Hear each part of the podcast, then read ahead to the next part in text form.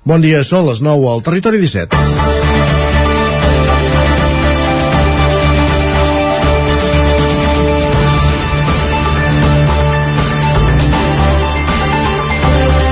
La candidatura dels Jocs Olímpics d'hivern s'ha convertit ja en el seinet de l'any de la política espanyola, en un d'ells, si més no. L'Aragó, amb Jaca com a ciutat abanderada, ha intentat durant anys, per activa i per passiva sense èxit, presentar candidatura, fins a cinc ocasions. Semblava que l'única manera d'assolir l'èxit era anar de bracet amb Catalunya, bàsicament per la potencialitat de la marca Barcelona. Quan els equips tècnics dels dos governs, amb la coordinació del Comitè Olímpic Espanyol, va semblar clar que tenien una proposta de seus i subseus olímpiques on fer les proves, va ser el govern aragonès del socialista José Luis Lamban, qui es va plantar davant el suposat afavoriment a Catalunya de la candidatura. I la setmana passada el Comitè Olímpic Espanyol anunciava que es trencaven negociacions, que es mantenia la candidatura i que ja es veuria com es definia. Això d'una banda. I de l'altra, el debat a Catalunya sobre la idoneïtat d'uns Jocs Olímpics en uns Pirineus on el desglàs és més que evident que fa anys. Només cal veure l'evolució o involució de la glacera de la Neto i imaginar com serà l'any 2030. El debat sobre un sector turístic que veu oportunitats a tot i uns opositors que no veuen clar això de transformar el territori per 15 dies. A tot plegat hi podem afegir les diferències entre comarques sobre si són d'una vegueria o una altra a l'hora de votar una consulta que ara es posposa a l'espera d'una decisió definitiva del COE. Per cert, ara el president del Consell Comarcal del Ripollès demana que si s'ha de fer la consulta sigui amb la mateixa pregunta per a totes les comarques implicades. Si en tot plegat la candidatura es materialitza només amb els pals a les rodes que ens hi hem posat tots plegats per aconseguir-la, no vull imaginar imaginar com serà la continuació en el cas que sigui l'escollida. Ho veurem, perquè el Seinet, un dia o altre, haurà d'acabar. És dilluns 30 de maig de 2022. Comença el Territori 17 a la sintonia de la veu de Sant Joan, Ona Codinenca, Ràdio Cardedeu, Ràdio Vic, el 9 FM i el 9 TV. Territori 17, amb Isaac Moreno i Jordi Sunyer.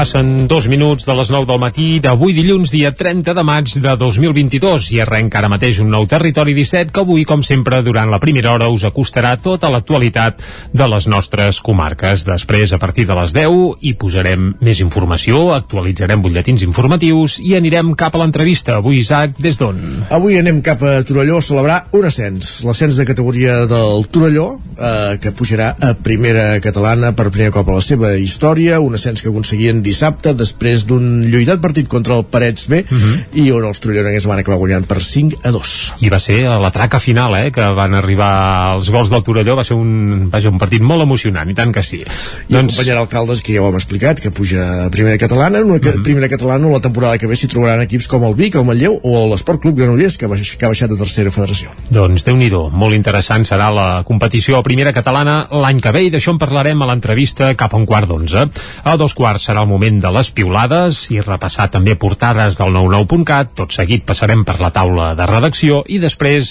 tornarem a parlar d'esports. Exacte, farem un repàs a com ha anat el cap de setmana esportivament parlant, més enllà i també parlant, evidentment, d'aquest ascens del Torelló. Després, cap a les 11, actualitzarem de nou butlletí informatiu i tot seguit arribarà als solidaris. Des de Ràdio Vic amb l'Adrià Oliveres i avui per conèixer, per aprofundir en la Fundació Daniel Xà. A dos quarts de dotze, com cada dia, pujarem a la R3, a la Trenc d'Alba, i acabarem, com tots els dilluns, amb una tertúlia esportiva que avui ens agradi o no haurem Avui parlarem de la Copa de la Reina de Futbol, que hauria ah, d'acabar-se. Ah, val, val, val, val. Eh, pensava que no, no, parlaríem de, no, de Champions. No, res, no, res, no, eh? res, bueno, ah, val, val, val, val. El número 14 no, no el farem no, servir. No, doncs, és eh? el d'en Johan, el 14. Ah, és veritat, és veritat. A mi em, em porta això. Ai, bé, bé, tot aquest de vessall de, de contrarietats futbolístiques, doncs les farem patar, la farem patar a la part final del territori 17 com tots els dilluns. Ara el que toca però per arrencar és fer un repàs a l'actualitat, ja ho sabeu, de les nostres per comarques. I el Girona que, que jugarà al playoff descens altre, un, alt, un any més. Ah, doncs vinga, uh, tenim molta teca, eh, la tertúlia esportiva. Molta, molta. Sí, sí, sí, sí. Ja, doncs d'això d'això en parlarem a la part final d'un programa que ara arrenca i ho fa com sempre, repassant l'actualitat de les nostres comarques, les comarques del Ripollès, Osona, el Moianès i el Vallès Oriental.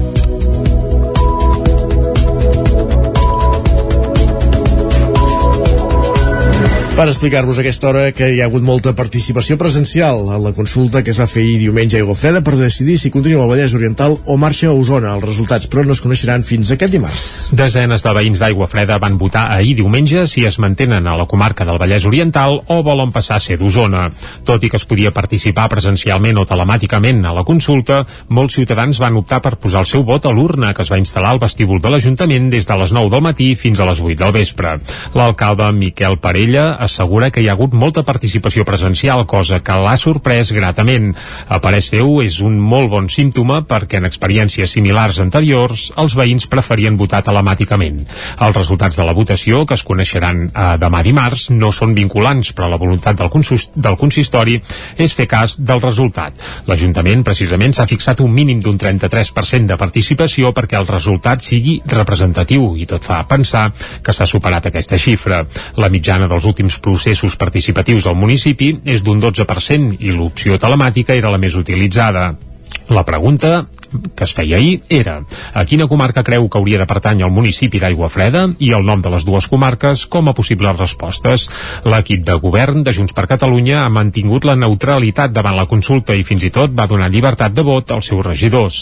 I pel que fa als veïns, hi havia diversitat d'opinions. Fins i tot algun matrimoni feia broma perquè l'home votava una comarca i la dona l'altra.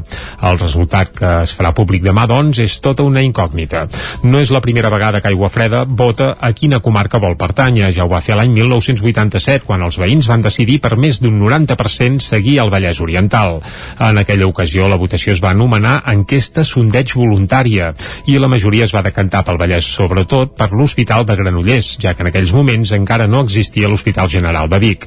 L'alcalde ha explicat que en aquell moment la votació gairebé es va convertir en una tria sobre a quin hospital volies anar. El municipi d'Aigua Freda, que té 2.600 habitants, està situat a l'extrem nord del Vallès Oriental, a tocar d'Osona Osona i tot i que depèn del partit judicial de Granollers forma part del Bisbat de Vic. A més, el municipi també va ser un dels fundadors de la Mancomunitat La Plana, un ens que presta serveis relacionats amb el medi ambient, els serveis socials i també els funeraris. Més qüestions. Mor un veí de Sant Quirze de Besora de 36 anys en un accident de trànsit a la carretera del Pens, en terme municipal de Sora. És la segona víctima mortal de l'any a les carreteres d'Osona. Un home de 36 anys, veí de Sant Quirze de Besora, va morir en un accident de trànsit ahir a la matinada al nord d'Osona. Va ser a la carretera del Pens, la BP 4654, en terme municipal de Sora. Per causes que encara s'estan investigant, el cotxe va sortir de la carretera i després va topar contra un arbre. L'avís es va rebre a dos quarts de quatre de la matinada al punt quilomètric 8. La víctima era el conductor i únic ocupant del vehicle. A l'accident hi van intervenir sis patrulles de Mossos, dues dotacions dels bombers i tres ambulàncies del SEM. Aquesta és la segona víctima mortal a les carreteres d'Osona en el que portem d'any. El 19 de febrer va morir una noia de 28 anys en un accident a la C62, a Olost. El 23 d'abril hi va haver també un accident mortal a Mollà, a la carretera de Calders, en què va perdre la vida una veïna de Castellterçol i un de Collsospina Ospina.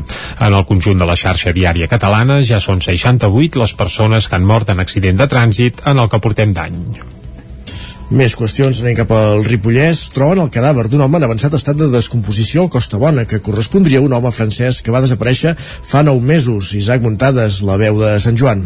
Segons avançava el diari El Punt Avui, dissabte a la tarda, uns senderistes que feien una ruta per la zona entre Set Cases i la muntanya del Costa Bona van descobrir el cadàver d'una persona en avançat estat de descomposició. Immediatament els excursionistes van avisar els serveis d'emergència i es va muntar la comitiva judicial amb el metge forense per fer formalment l'aixecament del cadàver, que estava estirat a la gespa en un marjal a prop del refugi de Jaume Ferrer i a només 500 metres de la frontera. A falta d'una certificació oficial, el cadàver correspondria a Jean-Claude Rey, un senderista de nacionalitat francesa francesa de 74 anys que estava desaparegut des del mes d'agost del 2021 i que la gendarmeria estava buscant. L'home hauria sortit de casa seva el 21 o 22 d'agost amb el seu cotxe, un Volkswagen Golf i el seu telèfon mòbil el situava el dia 22 entre Prats de Molló, Costoja i Serra Llonga, zones molt properes al Costa Bona, que podria ser l'objectiu d'aquest experimentat muntanyenc. La identificació hauria estat possible perquè els Mossos van trobar una documentació al costat del cos, que pràcticament estava esquelètic i per tant era impossible identificar-lo visualment. Així doncs, per acabar de confirmar que es tracta de rei, es contactarà amb la família i es procurarà trobar la fórmula dental per identificar-lo. A falta de l'informe forense i de l'autòpsia, a primera vista es calcula que feia mesos que l'home era mort i hauria estat tot l'hivern a la zona sense que ningú el descobrís. La policia també comprovarà si a França està denunciada la desaparició de l'home. Un cop es va fer la inspecció al lloc de la troballa, el cadàver va ser traslladat amb l'helicòpter dels bombers i es preveia que es fes l'autòpsia a l'Institut de Medicina Legal de Girona a les pròximes hores.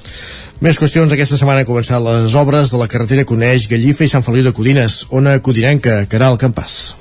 Sí, les obres s'allargaran durant tot l'estiu i està previst que acabin al novembre. De moment, aquesta primera fase del projecte només reformarà el tram que forma part del terme municipal de Gallifa i una segona intervenció hauria de reformar el tram que pertany al terme municipal de Sant Feliu. Mateu Sobregrau, alcalde de Gallifa, parlava dels objectius que han portat a voler reformar la carretera tres objectius molt, molt senzills. Un, que la calçada tingui com a mínim a tot arreu 5,5 metres, que hi ha algun tram amb 4 metres i actualment i per tant és difícil que es creuin dos camions. Dos, pavimentar la cuneta, que això li dona un sobreample de seguretat tant per vianants com per si es creuen dos vehicles grans. I tercera mm, part que és més futurística però és molt important, que és que es posen ja les canalitzacions perquè la carretera pugui estar dotada de 5G el dia de demà, això serà molt important per la, mm, la conducció d'automòbils sense conductor. Això és un escenari 15 anys, segurament, però és important ja avançar eh, la construcció més cara que és fer les canalitzacions. Durant el mes d'agost, quan la carretera quedarà totalment tallada per reformar el pont de la Roca, serà l'única sortida del poble, serà per Sant Llorenç Savall. Sobregrau avisava que s'adequaran camins perquè alguns vehicles puguin tenir sortides alternatives en aquest tall permanent de l'agost. El trànsit de Gallifa s'haurà de derivar cap a Castellà del, Sant Llorenç Savall i Castellà del Vallès uh -huh. per bé que mirarem d'habilitar també alguns camins de muntanya eh, que encara que només podran passar-hi certs tipus de vehicles, doncs mirarem que estiguin en condicions per fer-ho més curt, cap al Farell i cap a Sant Feliu. Però això seran solucions alternatives. Bàsicament, la solució oficial passa per sortir cap a Castellà. La reforma també té en compte l'impacte en l'entorn i mantindrà els plataners que en el seu dia es van plantar banda i banda de la carretera. Les obres fetes per la Diputació de Barcelona tenen un cost dels 900.000 euros en aquesta primera fase on només es reforma, com dèiem, el tram del terme municipal de Gallifa. Més qüestions, gràcies, Caral. Avui fa 40 anys de l'ingrés de l'estat espanyol a l'OTAN. El 12 de març de 1986 es va celebrar el referèndum sobre la permanència de l'Estat eh, sobre l'entrada d'Espanya a l'OTAN, on va guanyar el sí per un 56,85% dels vots favorables. A Catalunya, majoritàriament, va guanyar el no. A Cardeu, per exemple, el no va es va registrar un rècord de participació i el no va obtenir el 61,6% dels suports. Núria Lázaro, Ràdio Televisió, Cardeu. Fa 40 anys que Espanya es va convertir en el membre número 16 de l'Organització del Tractat de l'Atlàntic Nord. El procés d'incorporació a l'OTAN es va iniciar el desembre de l'any anterior amb la firma del protocol d'adhesió i va culminar el 1986 amb l'estreta victòria del sí en el referèndum de permanència que es va celebrar el 12 de març un sí que s'imposava per tan sols un 56,85% dels vots vers el 43,15%.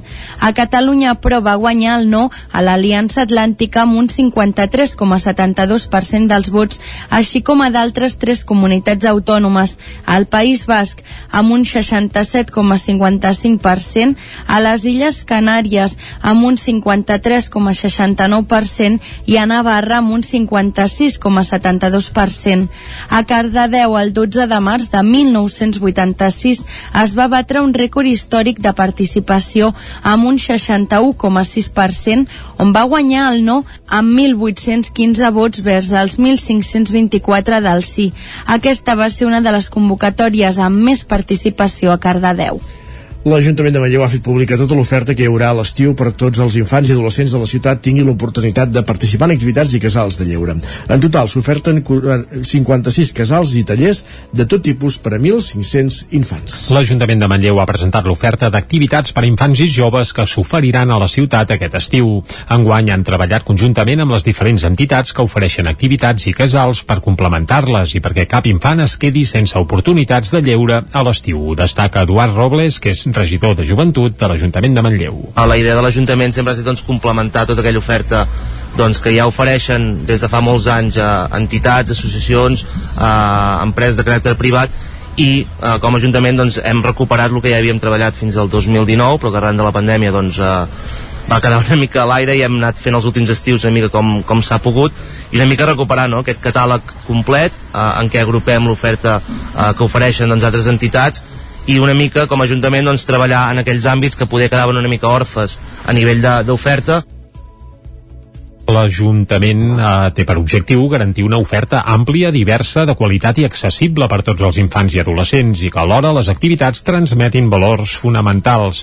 Per això hi haurà un total de 56 propostes diferents, tant esportives com educatives. Ho remarca el regidor d'Educació de l'Ajuntament de Manlleu, Rafa Cuenca. Volem doncs, que aquestes activitats doncs, transmetin eh, sobretot dos valors fonamentals, la convivència en la diversitat, que per nosaltres és fonamental, i també el respecte a l'entorn. Um, per tant, la voluntat que tenim com a Ajuntament és que les nenes i els nens i els adolescents de Manlleu eh, puguin gaudir d'aquest temps de, de les vacances d'una forma lúdica però també educativa i a més doncs, eh, afavorir, com no, la, eh, doncs, la conciliació de la vida laboral i també personal de les famílies. Entre les diferents propostes hi ha casals i tallers esportius, musicals, de robòtica, de teatre, de cuina, de reforç d'anglès i d'altres. Entre tots sumen unes 1.500 places per infants de 3 a 12 anys i també per adolescents d'entre 12 i 18. Arribats a aquest punt fem una parada en el relat informatiu que començàvem a les 9 en companyia de Jordi Sunyer, Núria Lázaro, que era el campàs Isaac Muntades. Moment ara de conèixer la previsió del temps.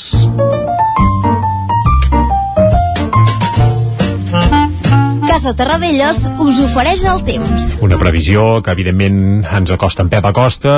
Aquí ja saludem. Segur que ha tingut un cap de setmana esplèndid. Pep, salut. Hola, molt bon dia. Bon dia, bon dia. Per fi som dilluns, Mhm. per fi comença una nova setmana, una setmana que ja eh, serà la última de, del mes de maig i comença el mes de juny.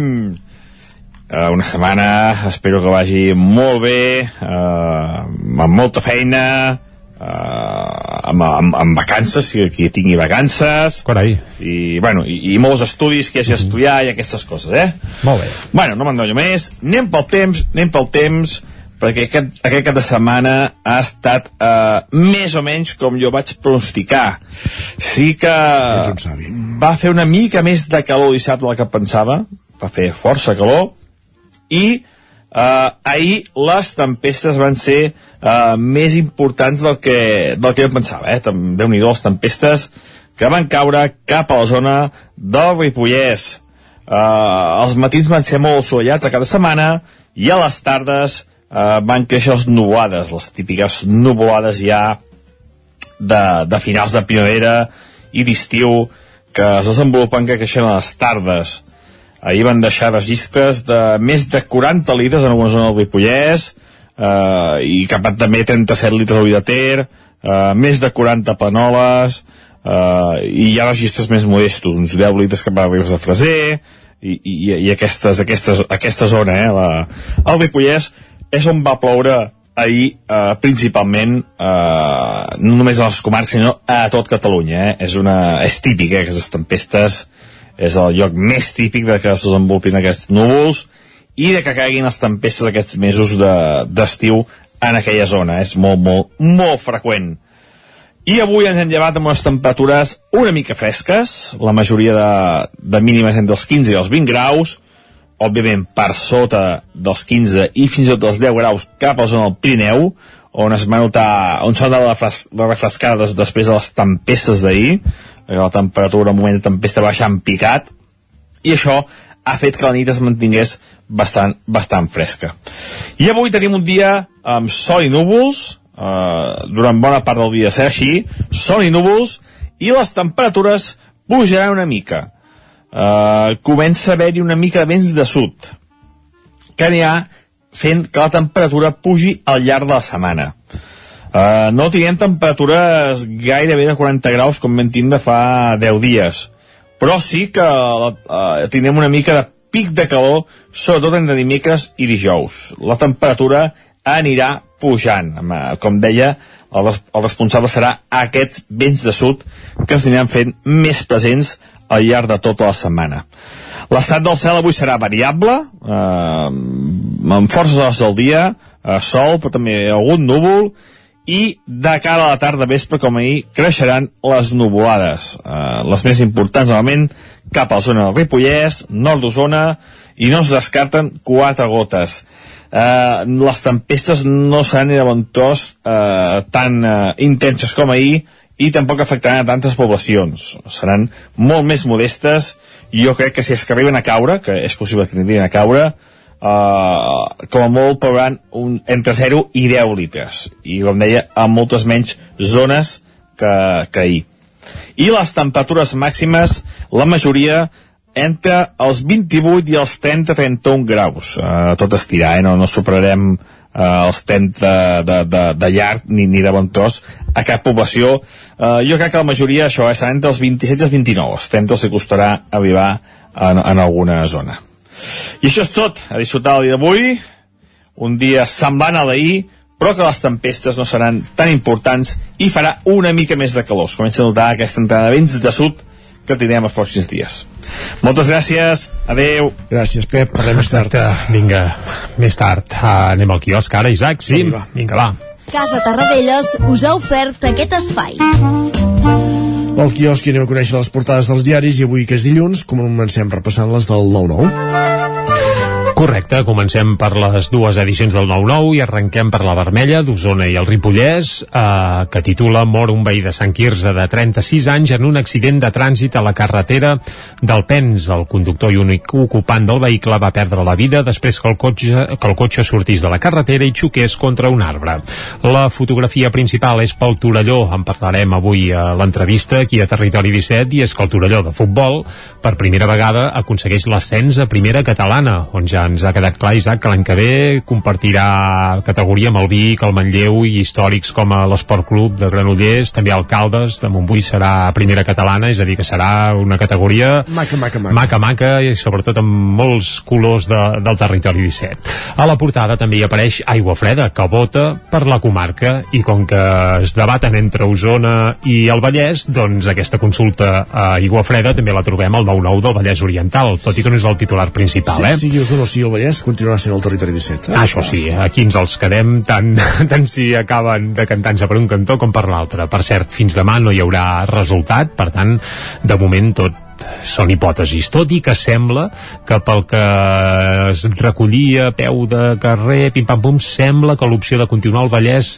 de moment tindria més números, però vaja, això ho desvetllarem demà. Els resultats ho diran. Exacte. exacte. Va, titulars del 9-9 del Vallès Oriental, a part d'un raconet per aigua freda que es cull entre Granollers i Vic, diuen el 9-9 del Vallès Oriental, és l'ascensió es torna a viure a Granollers amb assistència destacada als diferents espais, i és que aquest cap de setmana ha tornat les, la Fira de l'Ascensió després de dos anys eh, de gairebé total absència per culpa de la pandèmia. També economia verda amb recorregut. L'Ajuntament fa un balanç positiu de la nova proposta pel Parc Firal i confia a reforçar-la. Uh, I es veu un grup de visitants al pavelló d'Economia Verda i Circular que hi va haver aquest cap de setmana, en aquest cas a Granollers. I també dues víctimes més del bombardeig de Granollers. I és que l'Arxiu de Granollers i periodistes del 9-9 han identificat dues víctimes del bombardeig que hi va haver a la ciutat el maig del 1938, que fins ara no se sabia qui era, doncs eren la Maria Capmany i la Providència Casanovas. Això s'ha de descobert en una investigació que han fet uns companys del 9-9 del Vallès Oriental juntament amb gent de l'Arxiu de Granollers. I anem a fer un cop d'ull a les portades que d'àmbit nacional, si et sembla Isaac, comencem com sempre pel punt avui, que diuen el turisme torna de cop. El sector més castigat pel virus s'ha recuperat des de Setmana Santa amb risc de massificació, és a dir, que no ha estat un retorn esglaonat i xinutxano, sinó que es veu que, tu, que això ha tornat com un tro. Uh, estem parlant del turisme a tot el Principat de Catalunya. Eh? També una fotografia per les noies del Barça, que diuen el Barça tanca la temporada amb la Copa. Les blaugranes golegen l'Sporting de Huelva 6 a 1 i obtenen el tercer títol del curs. Aquest títol va arribar ahir al migdia, a dos quarts de dotze del migdia, va ser un partit amb una hora no gaire habitual per una final d'aquest tipus, però vaja. Anem cap a l'ara. Alerta al PSOE per les males expectatives a Andalusia. Recordem que d'aquí quatre dies comença la campanya a Andalusia, on tenen eleccions a finals del mes de juny. Les ha convocat l'actual president, que és del PP, i ho ha fet bàsicament per treure's, ja podem dir ras i curt, per treure's de sobre els seus companys de Ciudadanos i poder governar en solitari, i a més el PSOE no té, sembla, almenys de moment, gaire bones expectatives en aquests comicis. Veurem com acaba. La fotografia també és pel Barça femení i la Copa, que van aixecar ahir, i de l'ara anem cap al periòdico, la fotografia de nou per les noies del Barça, l'orgull blaugrana, i es veuen celebrant a la consecució del títol ahir eh, contra el Huelva i també Catalunya va repartir 1.783 milions entre 25 contractistes de la Covid. Això també apareix a la portada del periòdico. A La Vanguardia, la xarxa que curava jihadistes a Barcelona traficava amb petroli, això apunten a la portada i la fotografia també és per les jugadores del Barça femení que diuen tricampiones d'Espanya. A part també Salut alerta que el sistema sanitari català està en risc pel final dels fons Covid. Això a la portada de La Vanguardia. I ràpidament farem un cop d'ull a les portades que s'editen des de Madrid. Sí? Uh, sí, ostres, sí, són, són perilloses, eh? Ai, ai. Algunes, algú... Bé, perilloses amb tot el carinyo, no cal pas ni dir-ho, eh? Però va, comencem pel país. Uh, el PP acaricia un govern en solitari a Andalusia. Aquest és el titular principal. Recordem que d'aquí quatre dies arrenca la campanya pels comicis uh, autonòmics andalusos. També Interior va maniobrar per tal que la Gürtel no esquitxés a Rajoy. Uh, la fotografia per això és per la festa de la catorzena i aquesta fotografia la veurem a gairebé tot arreu eh? i es veu a en Marcelo que no va anar al barber ahir bé, no hi va gaire mai aixecant una, Jo una tampoc, copa això és... Sí, no, jo, jo tampoc, veus? Uh, més coses, va, a l'ABC uh, torna a haver-hi Marcelo aixecant una copa i diu bany de masses pels herois de la Champions i una fotografia, bé, eh, no farem gaires comentaris més, va, al Mundo uh, Tota la com aquesta Champions Cup uh, entre cometes, eh, tot i que també apunten que desenes de factures revelen suborns a càrrecs del PSOE, això també apareix a la portada Ah, Pensava que parlaves de suborns amb el Champions, no? no, d'aquests no. Això quan barrejat, eh? És a dir, que algú podria interpretar coses, però d'allò. I per acabar, el titular més divertit, uh, la Razón, bé, això de divertit seria una mica relatiu, però diuen la catorzena ja és a casa. I bé, ja et pots imaginar quina casa van Serà espetegar. La Casa Blanca, sí, no, sí, sí, i no sí. la de- la d'en Biden, precisament. Vinga. Tornem d'aquí 3 minuts. Fins ara mateix. El nou FM, la ràdio de casa, al 92.8. Sherlock Holmes ha mort i Watson necessita la vostra ajuda per tornar enrere en el temps i trobar el punt exacte per salvar-lo del parany de Moriarty. Posa't en la pell del detectiu britànic i resol tots els enigmes en menys de 60 minuts per poder escapar. Elementary Escape Room de Vic, una aventura per a tota la família. Fes la teva reserva per WhatsApp amb el codi La Ràdio de Sherlock i aconseguiràs un 10% de descompte. Ens trobaràs de dijous a diumenge al carrer de la Fusina 22 de Vic per telèfon i WhatsApp al 622 85 54 17 o elementary.cat. El racó de León ja és primavera. Gaudeix de la nostra terrassa. Vine a tastar les xuletilles de lechal a la brasa amb una bona amanida o el xuletón de vedella gallega. No et pots perdre el nostre lechado de Castilla al forn o el cochinillo a l'estil de Segovia. Tot acompanyat del millor celler, al menjador o fora la terrassa. Descobreix la millor cuina de Lleó sense moure't de casa. Vine amb la família, els amics, la parella o sol. T'encantarà. El racó de León, cuina tradicional lleonesa i de mercat. Som al carrer Torelló número 35 de Vic. Per reserves, telèfon 93 889 1950. El racó de León, una cuina diferent. Coberta serveis funeraris. Els nostres tanatoris estan ubicats en els nuclis urbans més poblats de la comarca d'Osona per oferir un millor servei. Tanatori de Vic, Tanatori de Manlleu, Tanatori de Centelles i Tanatori de Roda de Ter. Sabem que són moments difícils i per això el nostre compromís és atendre-us en tot moment amb un tracte humà, sensible i respectuós. Coberta serveis funeraris. Telèfon 24 hores 93 883 23 46. Per Aigües Vic, disminuir l'impacte de la nostra activitat en el medi natural és una prioritat.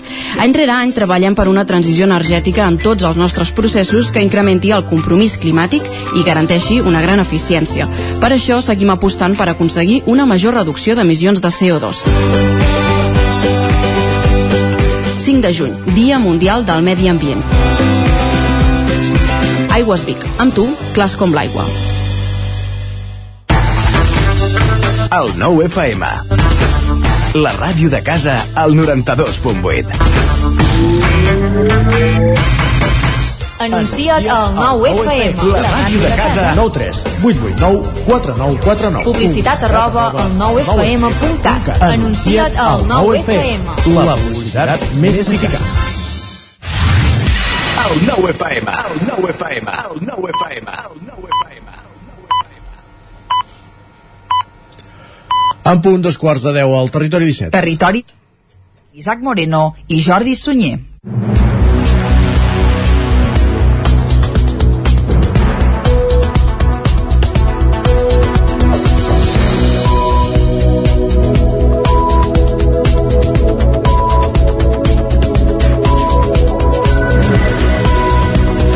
I a dos quarts de deu en punt del matí seguim en directe aquí a Territori 17 i de seguida el que farem és acostar-vos de nou tota l'actualitat de les nostres comarques. Abans, però, ja us avancem tot el que farem des d'ara mateix i fins al punt de les 12 del migdia. Abans de les 10, com sempre, hi posarem una mica de música. I avui, Isaac, escoltarem una peça que fa 25 anys. Carai. És que, bé, quan es té una edat sempre hi ha allò que, aviam, de què fa un quart de segle? Doncs, per exemple, mm, va, direm el títol de la cançó i segur que molta gent ja sabrà de qui és, però després, a més... Direm molt amb el títol, eh? Sí, potser sí, eh? Uh, però explicarem que fa 25 anys i tornaran a la tardor per fer un bolo de celebració vinculat a la cançó i al disc Però que, Pim Pam però que han marxat mai, va, és igual. Bé, uh, després ho acabarem de, de desgranar, va. Deixem l'incògnit aquí, no? Deixem-ho així, va. va deixem-ho així. Vinga, a les 10 actualitzarem butlletí informatiu i tot seguit a l'entrevista ens tocarà parlar d'una celebració i és l'ascens del Torelló, oi? Exacte, parlarem amb el president del Club de Futbol Torelló, en Josep Solà, d'aquest ascens històric del Torelló la primera catalana. Com dèiem, una categoria on s'hi trobaran equips la temporada vinent, com el Caldes, que va fer els deures ja fa unes setmanes, però també històrics com el Vic, el Manlleu o l'Esport Club Granollers.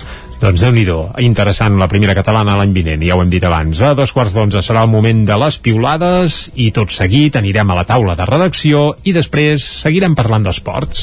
Exacte, serà el moment de fer un repàs esportiu a com ha anat el cap de setmana, parlant d'aquest ascens del Torelló, però de moltes altres coses que puguin haver haver passat aquest cap de setmana als diferents punts del territori 17. Uh, tot seguit, a les 11 actualitzarem de nou butlletins informatius i uh, anirem cap als solidaris després. Amb l'Adrià Oliveres, des de Ràdio Vic, avui per aprofundir, eh, per aprofundir en la Fundació Daniel Xà. Tot seguit, a dos quarts de 12, pujarem com cada dia al tren, a la Trenc d'Alba, a la R3, i avui que és dilluns acabarem fent tertúlia esportiva. Repassant com ha anat el cap de setmana esportivament parlant, un cap de setmana, per exemple, amb la Copa de la Reina de Futbol, que ha guanyat el Barça després de, de superar el Huelva ahir a la final, o un cap El de setmana- Girona, el Girona, com deies exacte, abans, ha acabat eh? la fase regular de la segona divisió i el Girona ha aconseguit doncs, classificar-se pel play-off, que em sembla que ja juga contra l'Eiber aquest dijous. I aviam si hi ha sort, perquè el Girona últimament eh, sempre acaricia i toca l'ascens, però es queda amb la mel als llavis. Aviam si mira aquest que any el, rival, va... el rival ha estat en posicions d'ascens directe to- tota la temporada, menys l'última jornada, vull dir que està, estarà contents també.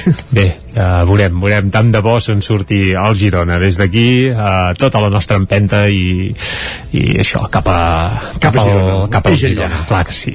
Vinga, va, fet aquest apunt, ara sí, el que toca és acostar-vos de nou l'actualitat de les nostres comarques, ja ho si sabeu. tenim temps parlem d'alguna altra cosa a la tertúlia esportiva, però vaja, aquest serà No, no, amb aquest menú que hem citat jo crec que ho tenim ple, eh?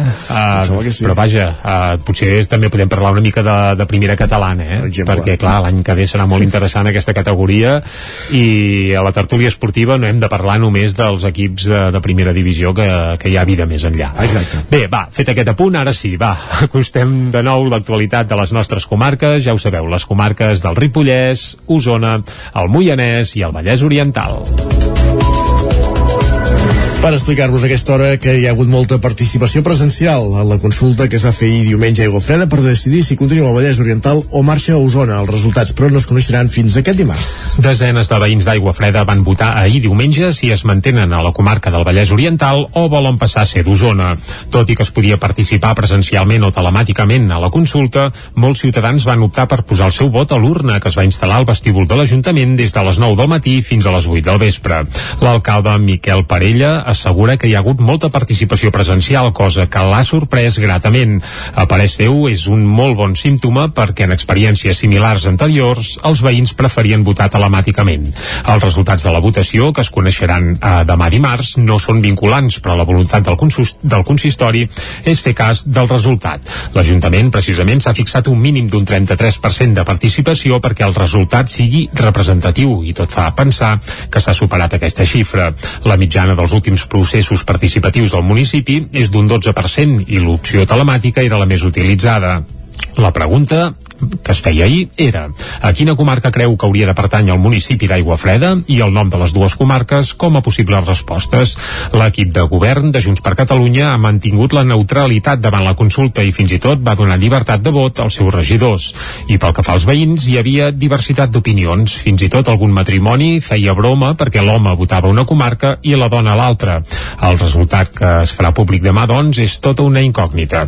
No és la primera vegada que Aigua Freda vota a quina comarca vol pertànyer. Ja ho va fer l'any 1987, quan els veïns van decidir per més d'un 90% seguir el Vallès Oriental.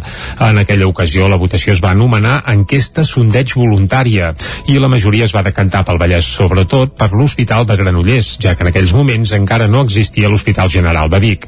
L'alcalde ha explicat que en aquell moment la votació gairebé es va convertir en una tria sobre a quin hospital volies anar. El municipi d'Aigua Freda, que té 2.600 habitants, està situat a l'extrem nord del Vallès Oriental, a tocar d'Osona Barcelona i tot i que depèn del Partit Judicial de Granollers forma part del Bisbat de Vic. A més, el municipi també va ser un dels fundadors de la Mancomunitat La Plana, un ens que presta serveis relacionats amb el medi ambient, els serveis socials i també els funeraris. Més qüestions. Mor un veí de Sant Quirze de Besora de 36 anys en un accident de trànsit a la carretera del Pens, en terme municipal de Sora. És la segona víctima mortal de l'any a les carreteres d'Osona. Un home de 36 anys, veí de Sant Quirze de Besora, va morir en un accident de trànsit ahir a la matinada al nord d'Osona. Va ser a la carretera del Pens, la BP 4654, en terme municipal de Sora. Per causes que encara s'estan investigant, el cotxe va sortir de la carretera i després va topar contra un arbre. L'avís es va rebre a dos quarts de quatre de la matinada al punt quilomètric 8. La víctima era el conductor i únic ocupant del vehicle. A l'accident hi van intervenir sis patrulles de Mossos, dues dotacions dels bombers i tres ambulàncies del SEM. Aquesta és la segona víctima mortal a les carreteres d'Osona en el que portem d'any. El 19 de febrer va morir una noia de 28 anys en un accident a la C62, a Olost. El 23 d'abril hi va haver també un accident mortal a Mollà, a la carretera de Calders, en què va perdre la vida una veïna de Castellterçol i un de Collsospina. En el conjunt de la xarxa viària catalana ja són 68 les persones que han mort en accident de trànsit en el que portem d'any. Més qüestions, anem cap al Ripollès. Troben el cadàver d'un home en avançat estat de descomposició al Costa Bona, que correspondria a un home francès que va desaparèixer fa nou mesos. Isaac Muntades, la veu de Sant Joan.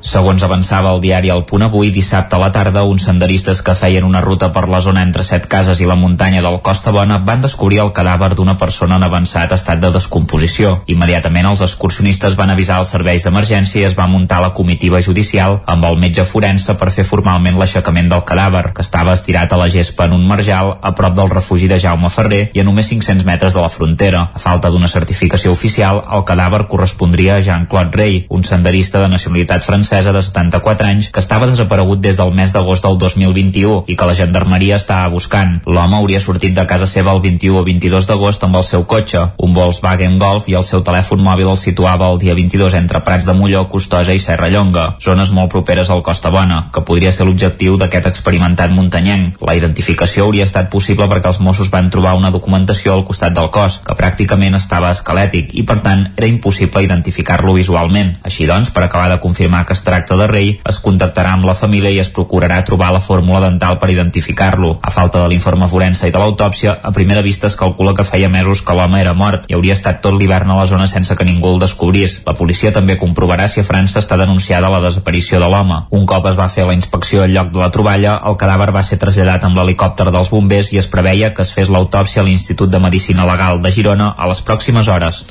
Més qüestions. Aquesta setmana han començat les obres de la carretera Coneix, Gallifa i Sant Feliu de Codines. Ona Codinenca, Caral Campàs. Sí, les obres s'allargaran durant tot l'estiu i està previst que acabin al novembre. De moment, aquesta primera fase del projecte només reformarà el tram que forma part del terme municipal de Gallifa i una segona intervenció hauria de reformar el tram que pertany al terme municipal de Sant Feliu. Mateu Sobregrau, alcalde de Gallifa, parlava dels objectius que han portat a voler reformar la carretera tres objectius molt, molt senzills. Un, que la calçada tingui com a mínim a tot arreu 5,5 metres, que hi ha algun tram amb 4 metres i actualment i per tant és difícil que es creuin dos camions. Dos, pavimentar la cuneta, que això li dona un sobreample de seguretat tant per vianants com per si es creuen dos vehicles grans. I tercera mm, part que és més futurística però és molt important, que és que es posen ja les canalitzacions perquè la carretera pugui estar dotada de 5G el dia de demà, que això serà molt important per la, mm, la conducció d'automòbils sense conductor. Això és un escenari 15 anys, segurament, però és important ja avançar eh, la construcció més cara que és fer les canalitzacions. Durant el mes d'agost, quan la carretera quedarà totalment tallada per reformar el pont de la Roca, serà l'única sortida del poble, serà per Sant Llorenç Savall. Sobregrau avisava que s'adequaran camins perquè alguns vehicles puguin tenir sortides alternatives en aquest tall permanent de l'agost. El trànsit de Gallifa s'haurà de derivar cap a Castellà del, Sant Llorenç Savall i Castellà del Vallès uh -huh. per bé que mirarem d'habilitar també alguns camins de muntanya eh, que encara que només podran passar-hi certs tipus de vehicles, doncs mirarem que estiguin en condicions per fer-ho més curt, cap al Farell i cap a Sant Feliu. Però això seran solucions alternatives. Bàsicament, la solució oficial passa per sortir cap a Castellà. La reforma també té en compte l'impacte en l'entorn i mantindrà els plataners que en el seu dia es van plantar banda i banda de la carretera. Les obres fetes per la Diputació de Barcelona tenen un cost dels 900.000 euros en aquesta primera fase, on només es reforma, com dèiem, el tram del terme municipal de Gallifa. Més qüestions, gràcies, Caral. Avui fa 40 anys de l'ingrés de l'estat espanyol a l'OTAN. El 12 de març de 1986 es va celebrar el referèndum sobre la permanència de l'Estat eh, sobre l'entrada d'Espanya a l'OTAN, on va guanyar el sí per un 56,85% dels vots favorables. A Catalunya, majoritàriament, va guanyar el no. A Cardeu, per exemple, el no va es va registrar un rècord de participació i el no va obtenir el 61,6% dels suports. Núria Lázaro, Ràdio Televisió, Cardeu. Fa 40 anys que Espanya es va convertir en el membre número 16 de l'Organització del Tractat de l'Atlàntic Nord. El procés d'incorporació a l'OTAN es va iniciar el desembre de l'any anterior amb la firma del protocol d'adhesió i va culminar el 1986 amb l'estreta victòria del sí en el referèndum de permanència que es va celebrar el 12 de març. Un sí que s'imposava per tan sols un 56,85% dels vots vers el 43,15%. A Catalunya, però, va guanyar el no a l'Aliança Atlàntica amb un 53,72% dels vots, així com a d'altres tres comunitats autònomes. Al País Basc, amb un 67,55%, a les Illes Canàries, amb un 53,69% i a Navarra amb un 56,72%. A Cardedeu, el 12 de març de 1986, es va batre un rècord històric de participació amb un 61,6%, on va guanyar el no amb 1.815 vots vers els 1.524 del sí. Aquesta va ser una de les convocatòries amb més participació a Cardedeu. L'Ajuntament de Manlleu ha fet pública tota l'oferta que hi haurà a l'estiu per a tots els infants i adolescents de la ciutat tinguin l'oportunitat de participar en activitats i casals de lleure.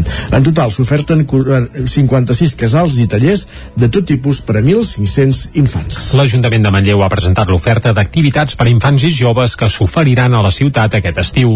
Enguany han treballat conjuntament amb les diferents entitats que ofereixen activitats i casals per complementar-les i perquè cap infant es quedi sense oportunitats de lleure a l'estiu. Destaca Eduard Robles, que és regidor de Joventut de l'Ajuntament de Manlleu. La idea de l'Ajuntament sempre ha estat doncs, complementar tota aquella oferta doncs, que ja ofereixen des de fa molts anys a entitats, associacions, a empreses de caràcter privat i eh, com a Ajuntament doncs, hem recuperat el que ja havíem treballat fins al 2019 però que arran de la pandèmia doncs, eh, va quedar una mica a l'aire i hem anat fent els últims estius una mica com, com s'ha pogut i una mica recuperar no, aquest catàleg complet eh, en què agrupem l'oferta eh, que ofereixen doncs, altres entitats i una mica com a Ajuntament doncs, treballar en aquells àmbits que poder quedaven una mica orfes a nivell d'oferta L'Ajuntament eh, té per objectiu garantir una oferta àmplia, diversa, de qualitat i accessible per tots els infants i adolescents i que alhora les activitats transmetin valors fonamentals.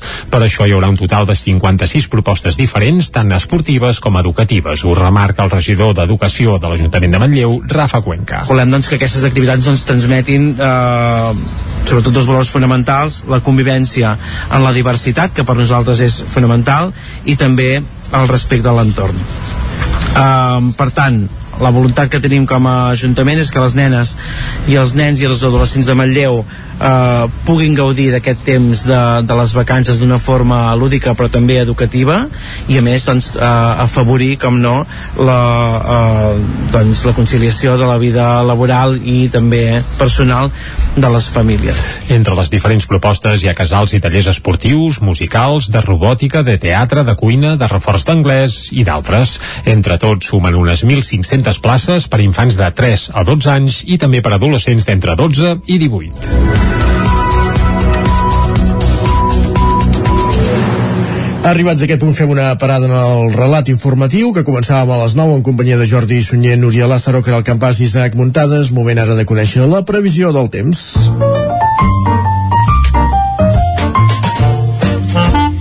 Casa Terradellos us ofereix el temps. Una previsió que evidentment ens acosta en Pep Acosta.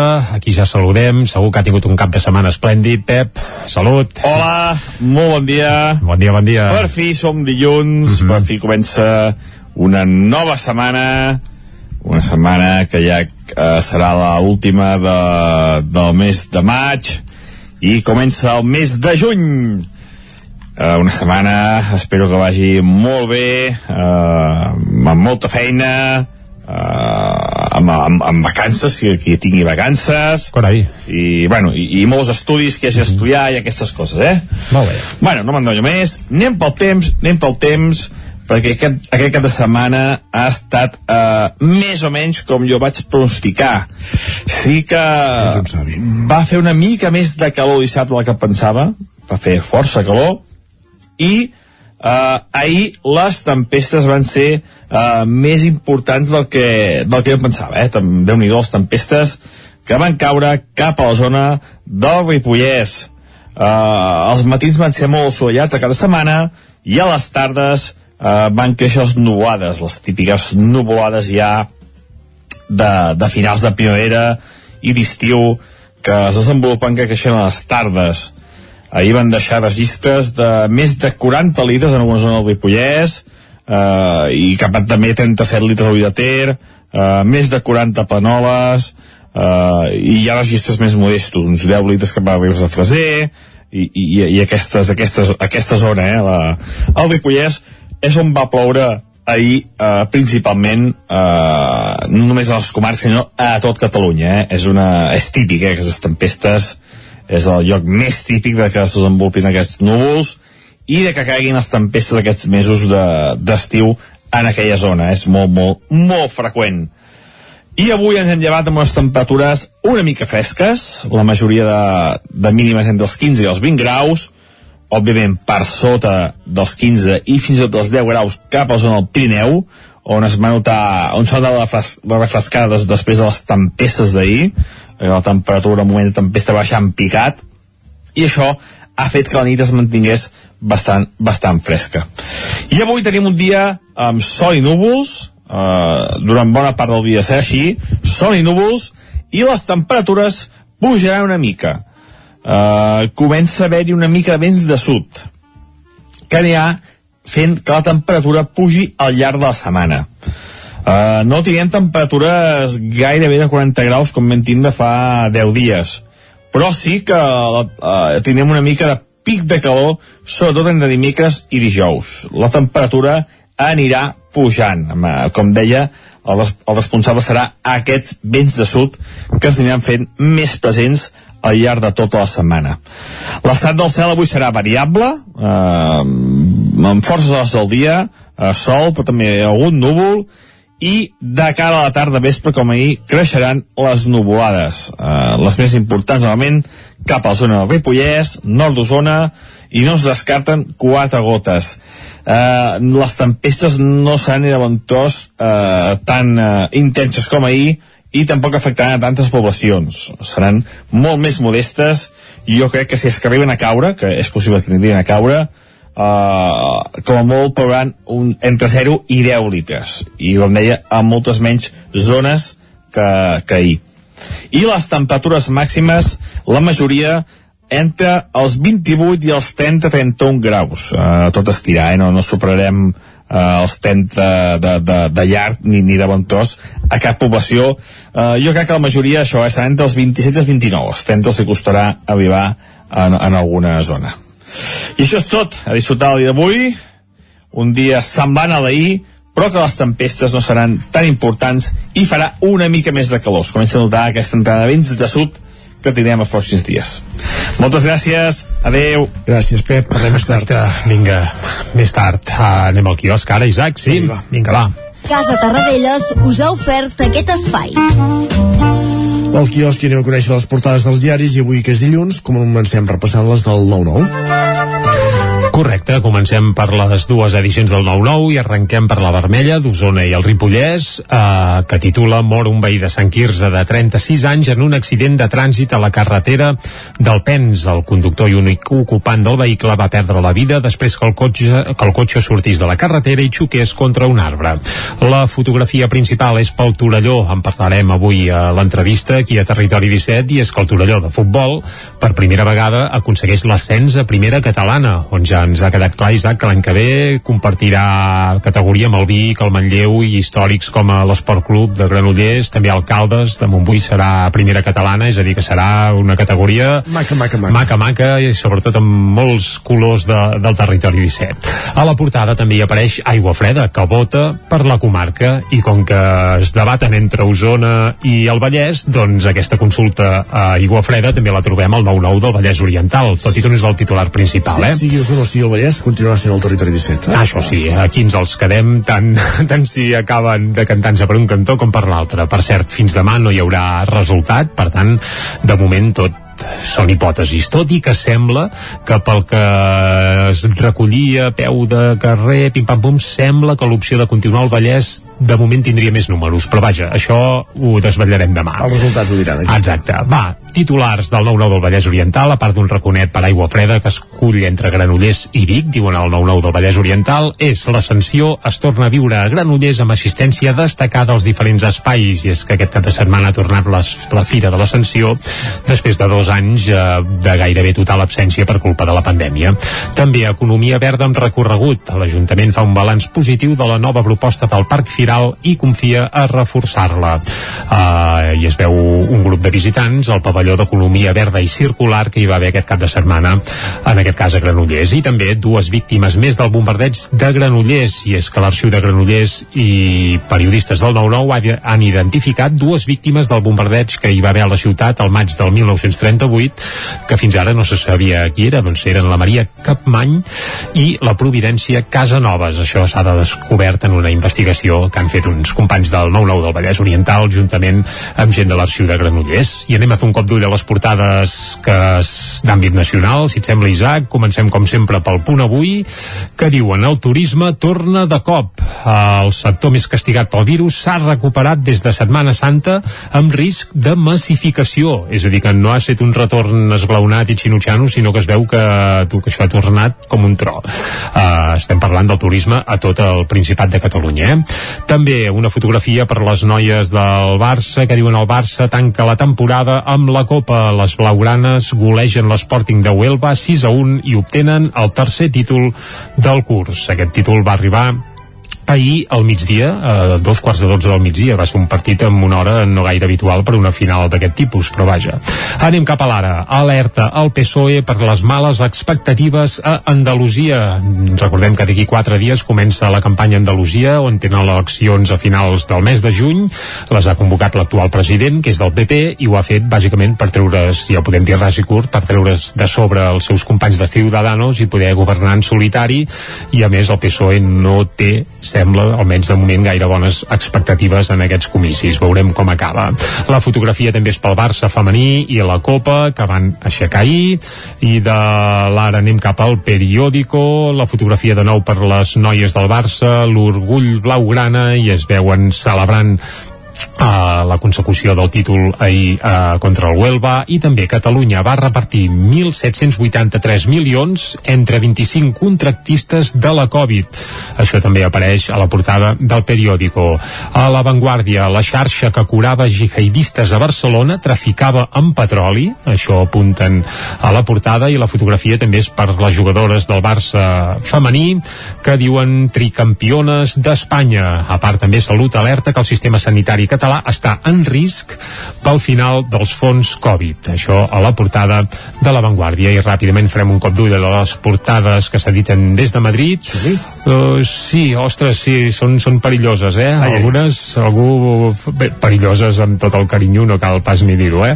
Però va, comencem pel país. Uh, el PP acaricia un govern en solitari a Andalusia. Aquest és el titular principal. Recordem que d'aquí quatre dies arrenca la campanya pels comicis uh, autonòmics andalusos. També Interior va maniobrar per tal que la Gürtel no esquitxés a Rajoy. Uh, la fotografia per això és per la festa de la 14a i aquesta fotografia la veurem a gairebé tot arreu eh? i es veu a Marcelo que no va anar al barber ahir bé, no hi va gaire mai aixecant una, una jo tampoc, copa. això és... sí, no, jo, jo tampoc veus uh, més coses, va, a l'ABC uh, torna a haver-hi Marcelo aixecant una copa i diu bany de masses pels herois de la Champions. I una fotografia bé, uh, no, no farem gaires comentaris més, va, al Mundo. Uh, com aquesta Champions Cup eh, entre cometes, eh, tot i que també apunten que desenes de factures revelen suborns a càrrecs del PSOE, això també apareix a la ah, portada. pensava que de suborns amb el Champions no, mm, no d'aquests no, això quan barrejat eh? és a dir, que algú podria interpretar coses però d'allò, i per acabar el titular més divertit, uh, la Razón. Bé, això de divertit seria una mica relatiu però diuen la catorzena ja és a casa Bufa, doncs va, a la catorzena cap a casa, però nosaltres el que farem és escombrar cap a casa musicalment parlant i hem avançat abans que escoltarem uh, una peça que fa 25 anys i ara ja ho podem avançar tot, escoltarem la taverna del John, que ja està sen, es, vaja, ja se sent de fons amb el violí de la Simon Lambrex, uh, és una peça d'en Pep Sala, però què passa aquí? Doncs resulta que Pep Sala, a l'època en què Sau estava viu i actiu, què feia? Doncs sobretot a la darrera època, eh? s'agafaven un any sabàtic que en Carles Sabater se'n anava a fer musicals, per exemple, i ell eh, fa 25 anys va impulsar la banda del bar. La recordes, Isaac, aquella banda? I tant. Doncs del primer disc de la banda del bar, aquest any en fa 25 anys, concretament aquests dies, precisament, i en aquell primer disc hi havia peces com aquesta, La taverna del John i tantes d'altres. En Pep Sala en va fer gira amb, aquest, eh, amb aquesta formació, en va treure un segon disc fins i tot i aquest any, com que fa 25 anys d'aquella efemèride, atenció perquè a la tardor Pep Sala refarà de nou la banda del bar com a banda del bar, eh? allò clar, més, en, més endavant també com a Pep Sala en solitari pràcticament es pot dir que eren els mateixos i també interpretaven peces de la banda del bar i alguns també són a Sau, de fet no? sí, sí, sí, és que tot, eh, tot va molt lligat i entrellaçat, eh? és a dir, cal, cal dir que aquí hi ha molts lligams i molts llaços però vaja, la conclusió és que per celebrar que fa 25 anys de l'estrena de la banda del bar aquesta estrena que va venir de bracet amb aquest disc que estem escoltant ja de fons doncs a la tardor Pep Sala farà un disc eh, no un disc, sinó un concert íntegrament dedicat a les cançons d'aquest disc que ara compleix un quart de segle. I nosaltres aquí a Territori 17, per recordar l'efemèride, doncs el que farem és escoltar la cançó segurament més emblemàtica d'aquell primer treball, que és La taverna del John. I amb això arribarem fins al punt de les 10, va. Les històries del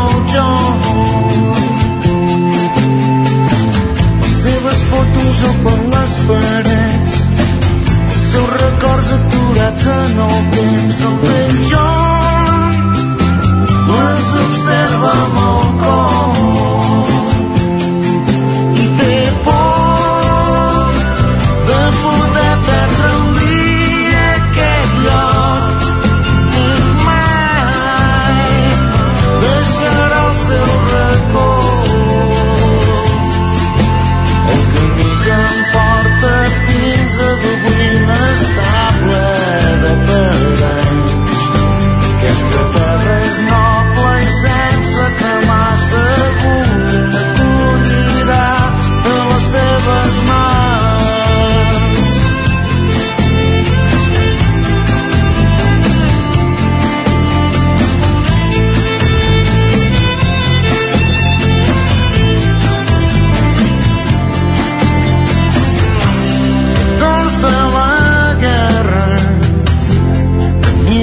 el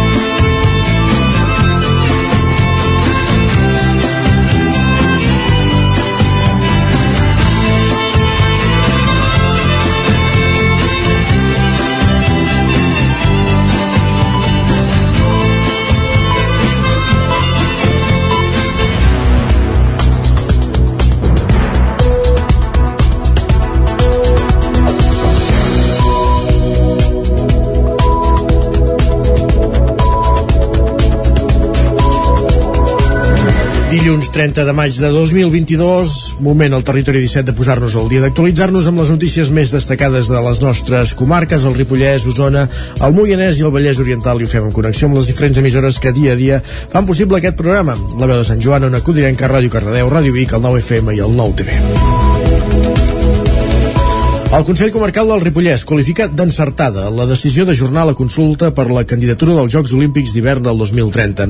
Isaac Muntades, la veu de Sant Joan. Les reaccions a la decisió del govern de la Generalitat de Catalunya d'ajornar la consulta sobre els Jocs Olímpics d'hivern del 2030 que s'havia de celebrar el pròxim 24 de juliol no s'ha fet esperar. El president del Consell Comarcal del Ripollès, Joaquim Colomer, va compareixer davant els mitjans aquest divendres per qualificar d'encertada la decisió presa, ja que com l'executiu català pensa que és millor que s'esclareixi el projecte abans de sotmetre a la votació perquè la ciutadania decideixi. Colomer va tornar a insistir que sempre ha defensat que la consulta no s'hauria ni d'haver plantejat, perquè segons deia el govern havia de tenir des del primer dia les eines suficients per determinar si el projecte era bo per Catalunya i els Pirineus. A més, va assegurar que la candidatura té un ampli suport entre les diputacions, consells comarcals i municipis afectats. D'altra banda, creia que els 1,1 milions d'euros que costarà fer la consulta es podrien destinar a fer més habitatge per la gent jove o gent gran. El president de l'ENS assenyalava que era una oportunitat única per posar el Ripollès al mapa. volen doncs, aquesta oportunitat pel territori, pel Pirineu i una oportunitat per donar vida en aquest Pirineu que moltes vegades ens hem queixat doncs, que ha sigut deixat, que no ha sigut escoltat i que no han arribat les inversions necessàries per poder tirar endavant. Nosaltres defensem que no és, som només un parc temàtic, sinó que aquí la gent hi vivim i desenvolupem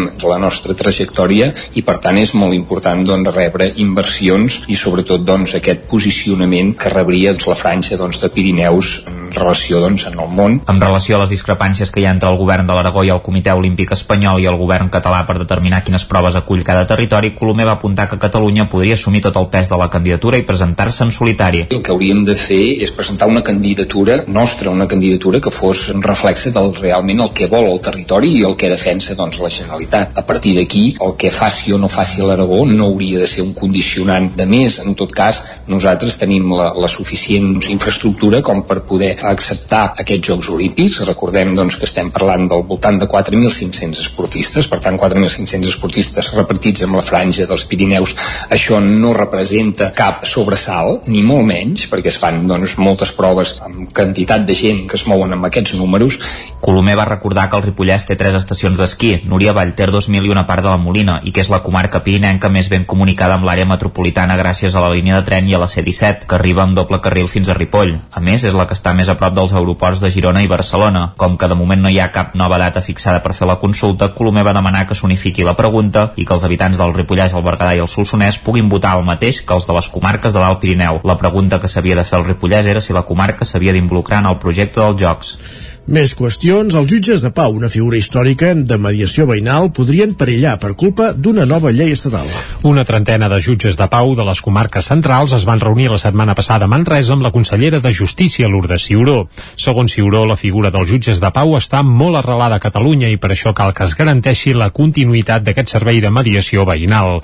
La consellera recordava que dels 7.000 jutges de pau que actualment hi ha arreu de l'Estat, Catalunya en té gairebé un miler, en concret 898. Per això, tal com també es demana des de l'Associació Catalana en Pro de la Justícia, Ciuró demanarà als ajuntaments catalans que aprovin una moció en el ple demanant mantenir la figura del jutge de pau. Ciuró també va apuntar que presentaran una esmena al projecte de llei orgànica d'eficiència organitzativa del Servei Públic de Justícia que està en tràmit a les Corts i que contempla suprimir la figura dels jutges de pau i substituir-los per oficines de mediació. Escoltem a la consellera Lourdes Ciuró.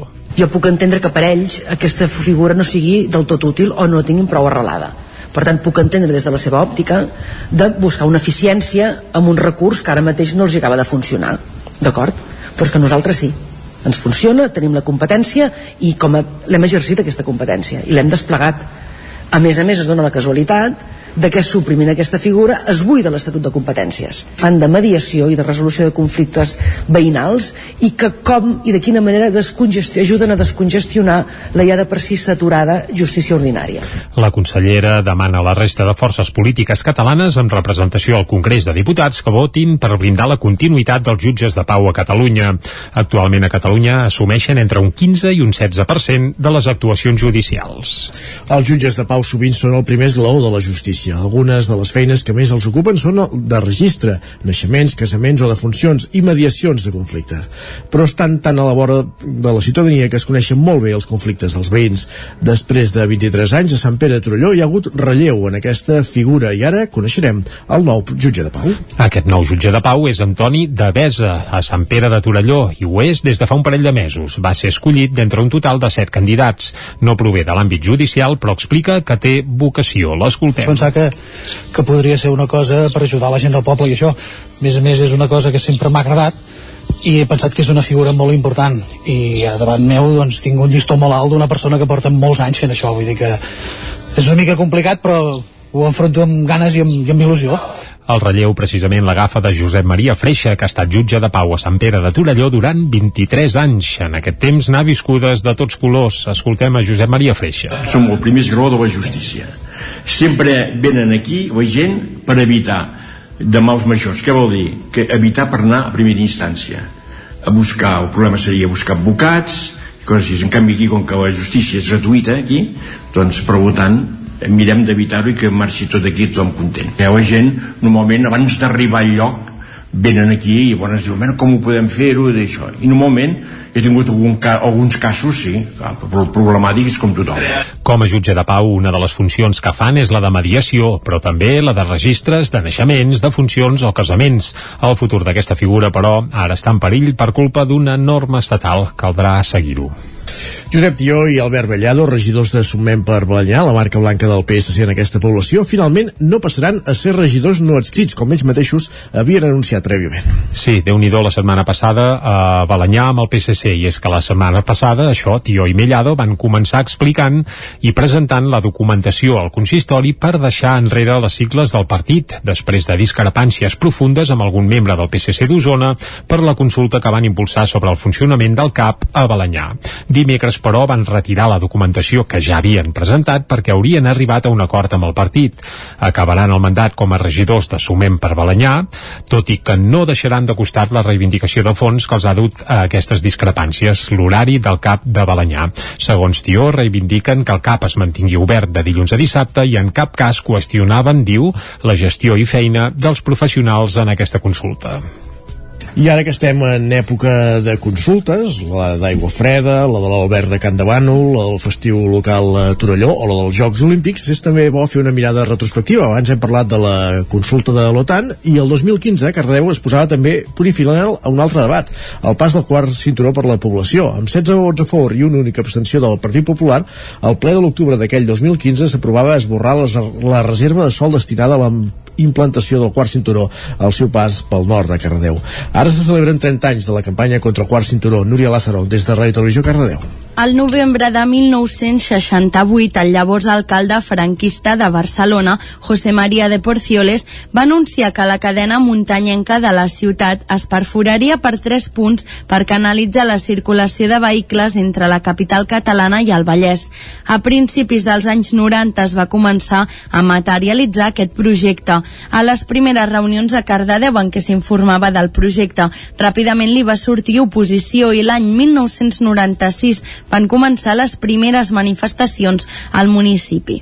Gustau Barbat, impulsor de la campanya del no al quart cinturó a Cardedeu. Un grup de veïns eh, d'aquí de dalt, d'aquí de Corró damunt, eh, van ser els primers en assabentar-nos d'aquest projecte i vam posar el crit al cel i eh, es van començar a fer reunions i es van fer assemblees i aquí a Cardedeu es van fer un parell d'assemblees i es va muntar la campanya contra el quart cinturó. La manifestació que vam fer quan el Pujol va venir a inaugurar eh, el tram aquest de l'autopista de Mataró, passant per, per sota del túnel de Parpés, i nosaltres vam desplegar una gran campanya contra el quart cinturó, perquè vam dir, d'aquí no passareu. O sigui, molt bé, heu fet el tram Mataró a Granollers, però d'aquí cap a Granollers això ja no us ho deixarem fer. Va ser l'any 2006 quan a Cardedeu es va aprovar el POUM amb el polèmic traçat del quart cinturó inclòs. Passava per la part nord del municipi. La carretera vorejava el barri dels Domínics venint des de Granollers i passant per Marata. L'any 2010 el govern de Catalunya aprovava el pla de la regió metropolitana que incluïa el traçat definitiu del quart cinturó. D'aquell projecte només se n'han acabat construint tres trams, d'Abrera a Olesa, de Vilar de Cavalls a Terrassa i de Granollers a Mataró. Molts municipis, com Cardedeu, han acabat esborrant dels seus plans urbanístics el traçat que fins ara no s'ha arribat a executar. I Caldes de Montbui ha posat en marxa la campanya impulsada pel Consell d'Infants per reduir l'ús de plàstics als comerços calderins. Ona Codinenca, que era el campàs. Aquesta setmana ha començat la campanya anomenada Fora Plàstics, que sorgeix de la reflexió de tots els infants de la vila termal organitzada a través del Consell d'Infants, que compta amb representants de 5è i 6è de primària de totes les escoles de la vila. Per tal de difondre aquest missatge en pro del reciclatge, els infants del Consell van escollir lemes que s'han plasmat en uns cartells editats per l'Ajuntament i que ja s'han penjat als establiments. En concret, s'han seleccionat sis missatges diferents d'entre tots els que es van proposar. Alguns dels missatges són el plàstic no és fantàstic, el cartró és molt millor, si no millorem el món plastificarem, el poble que jo vull el cartró escull o com menys plàstic més fantàstic. Daniel Vallespín, un dels consellers, explicava per què van escollir una acció enfocada a lluitar contra el canvi climàtic. Doncs perquè a lo millor dintre de 50 anys doncs estem pitjor que ara perquè ara ningú es preocupa però a lo millor en el futur ja estem pitjor que ara ja estem pensant en el futur Martina Gibrat, una altra de les conselleres, explicava què demanen els comerços. Doncs que reciclin i que siguin bons amb el planeta perquè si no és on vivim, saps? Llavors acabarem amb nosaltres i l'hem de respectar. D'altra banda, des del Consell d'Infants també s'ha decidit editar i gravar diversos vídeos que es difondran a les xarxes socials de l'Ajuntament. Els consellers i conselleres del Consell d'Infants van presentar la iniciativa a l'audiència pública que es va realitzar el passat 18 de maig amb els representants del consistori. Gràcies, Caral. Arribats a aquest punt, el que fem és fer un repàs de la previsió meteorològica després de repassar el més destacat de les nostres comarques, les notícies del territori 17, en companyia, com sentíem, de la Caral Campàs, Jordi Sunyer, Isaac Muntades i Núria Lázaro. Anem cap a saludar en Pep Acosta.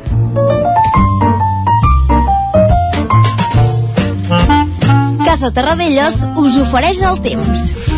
Doncs va, escoltem de nou en Pep Acosta, que ens acostarà com cada dia la previsió meteorològica. Pep, va, salut i bon dia de nou. Hola, molt bon dia. Bon dia, bon dia. I avui ens hem llevat amb unes temperatures una mica fresques, la majoria de, de mínimes entre els 15 i els 20 graus, òbviament per sota dels 15 i fins i tot dels 10 graus cap a la zona del Pirineu, on es va notar, on s'ha notat la, fres, la refrescada des, després de les tempestes d'ahir, la temperatura en moment de tempesta en picat, i això ha fet que la nit es mantingués bastant, bastant fresca.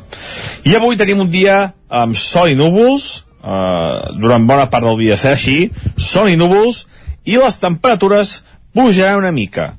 Eh, comença a haver-hi una mica de vents de sud, que anirà fent que la temperatura pugi al llarg de la setmana.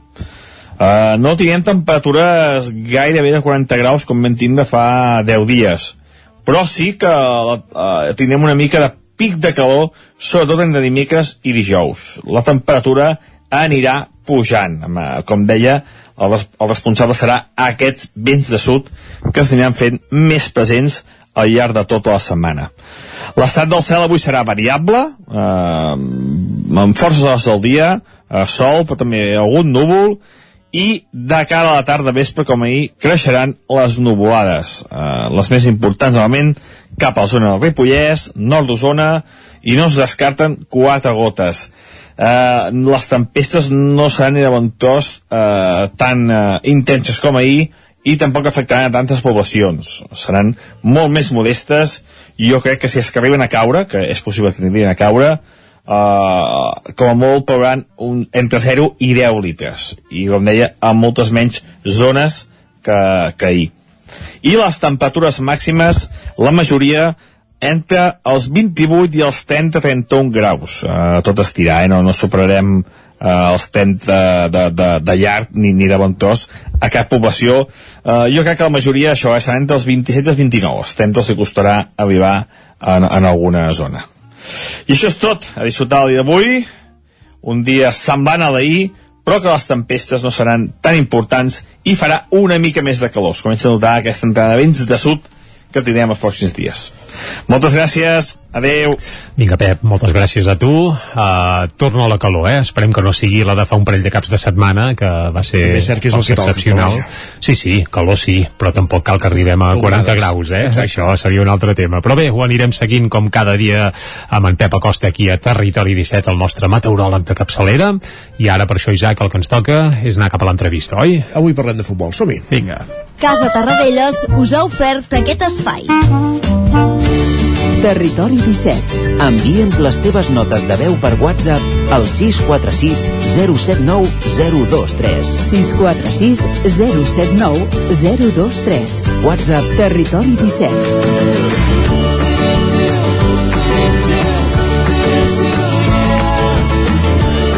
Territori 17. Som a Facebook, Twitter i Instagram amb l'usuari Territori 17.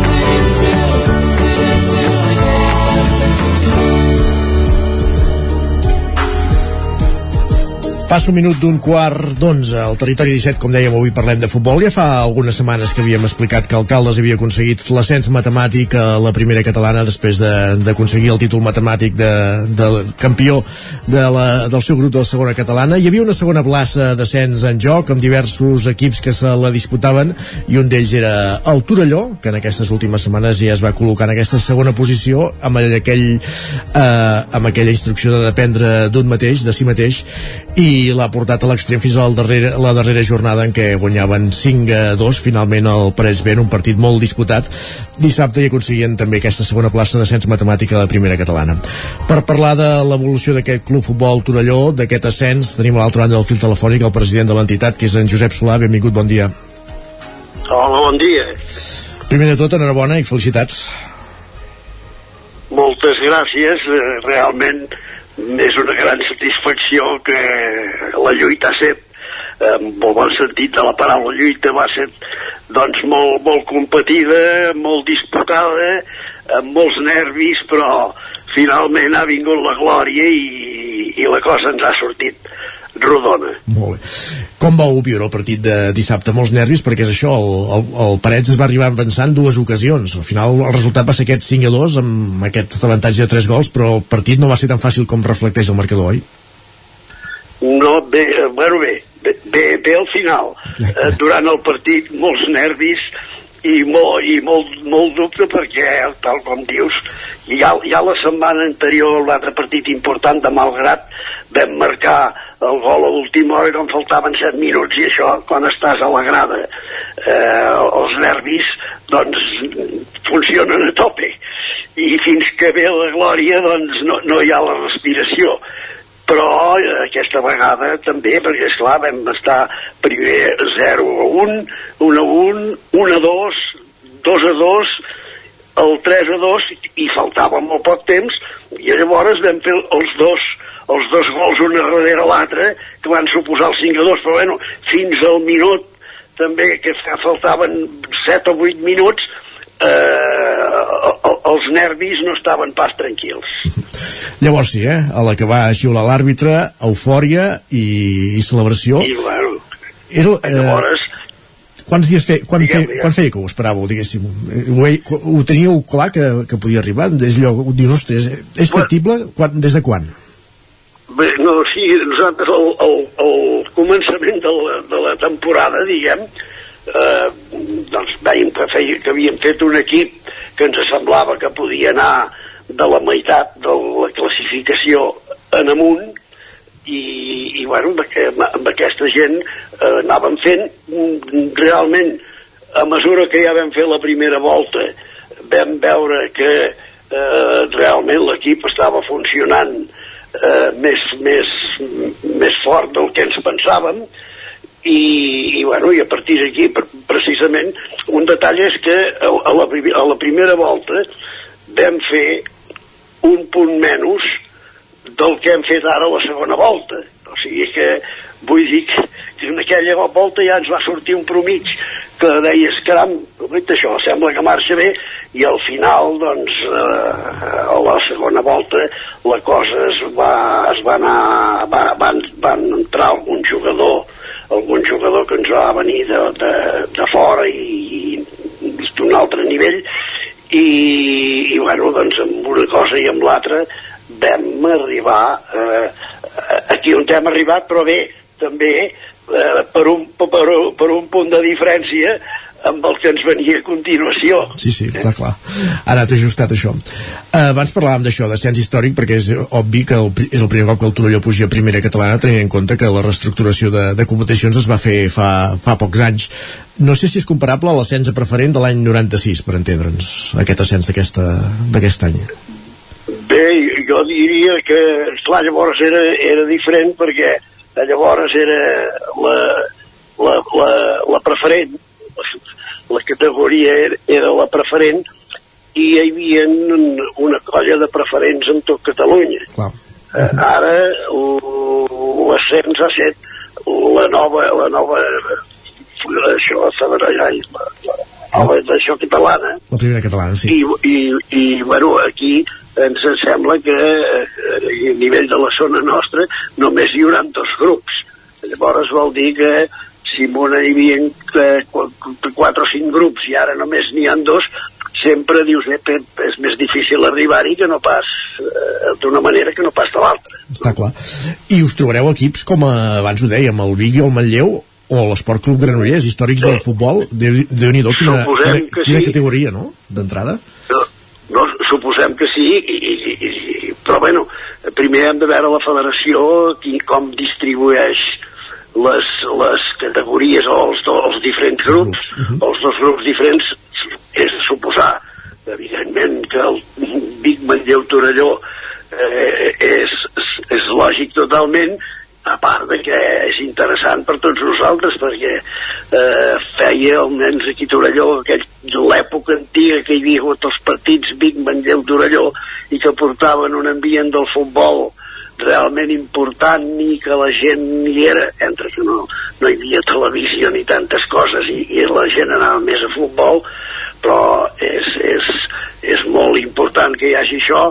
A part d'uns altres equips doncs és, és un altre nivell és un altre tipus de competició i, i home, evidentment jo crec que és favorable perquè el futbol d'aquí Torelló ens arreli una mica més i la grada doncs si diferència ja la puguem tenir més plena que no pas de, de, de costum fins ara Uh, I ara què? Ara tu suposo que tocarà ja començar a planificar la provisió de temporada, és molt d'hora, tot just ho esteu, ho esteu celebrant, sóc conscient, però suposo que haureu de començar a plantejar un equip que pugui ser mínimament, mínimament competitiu en aquesta nova categoria, no?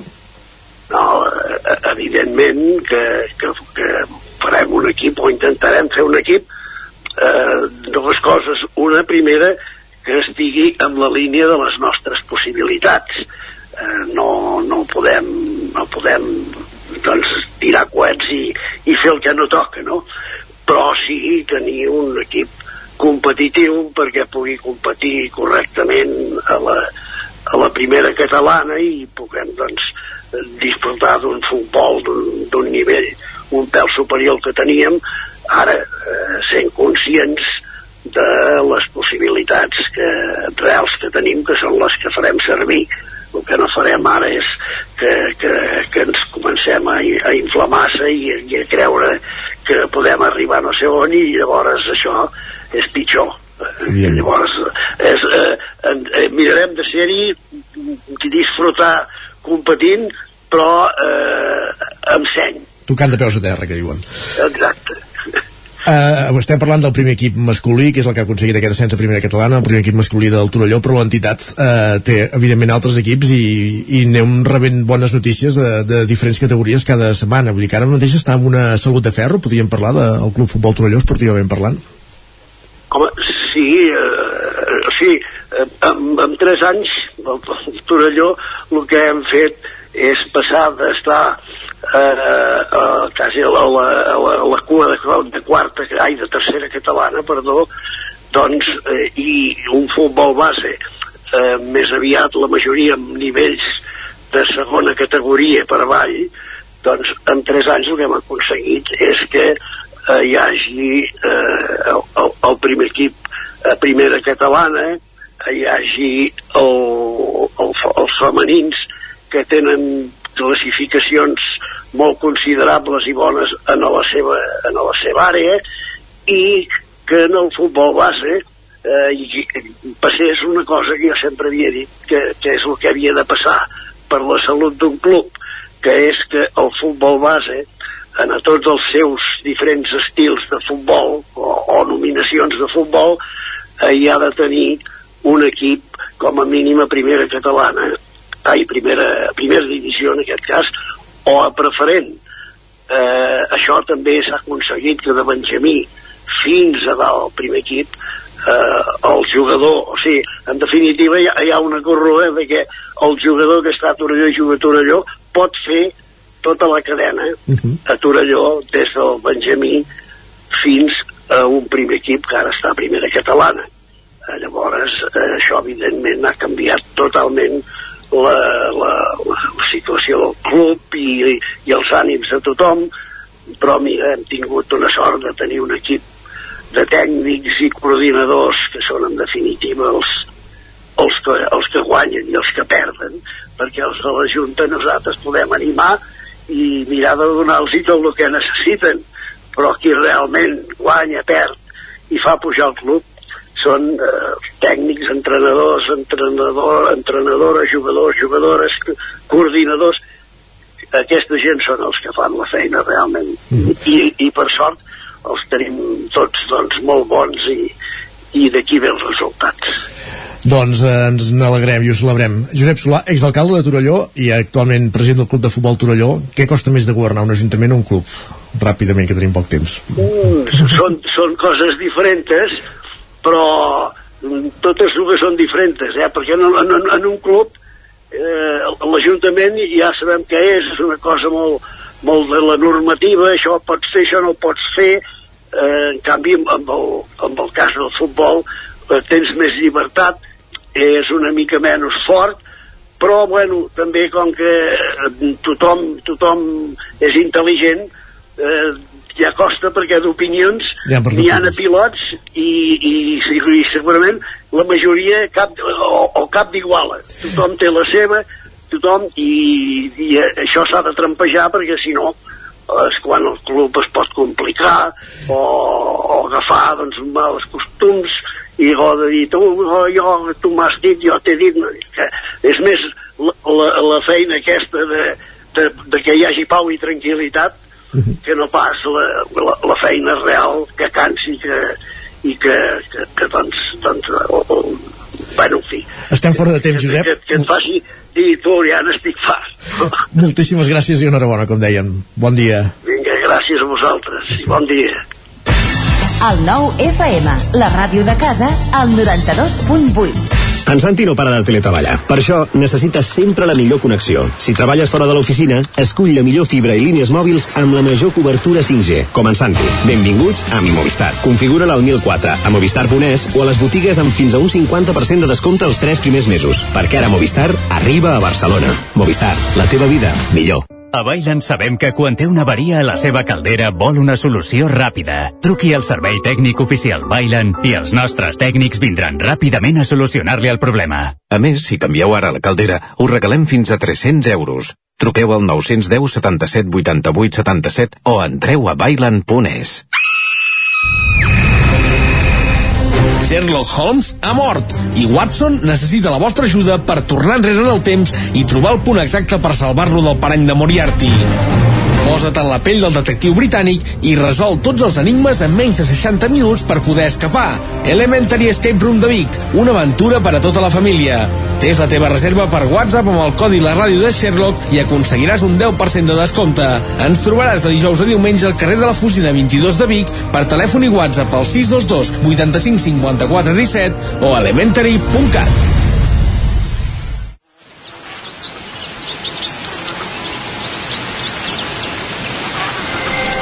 Coneix les herbes remeieres. Gaudeix de Vilanova de Sau. Trentena Fira d'Herbes Remeieres de Vilanova de Sau. Diumenge 5 de juny. Ajuntament de Vilanova de Sau. Cobertes serveis funeraris. Els nostres tanatoris estan ubicats en els nuclis urbans més poblats de la comarca d'Osona per oferir un millor servei. Tanatori de Vic, Tanatori de Manlleu, Tanatori de Centelles i Tanatori de Roda de Ter. Sabem que són moments difícils i per això el nostre compromís és atendre-us en tot moment amb un tracte humà, sensible i respectuós. Cobertes serveis funeraris. Telèfon 24 hores 93 883 23 46.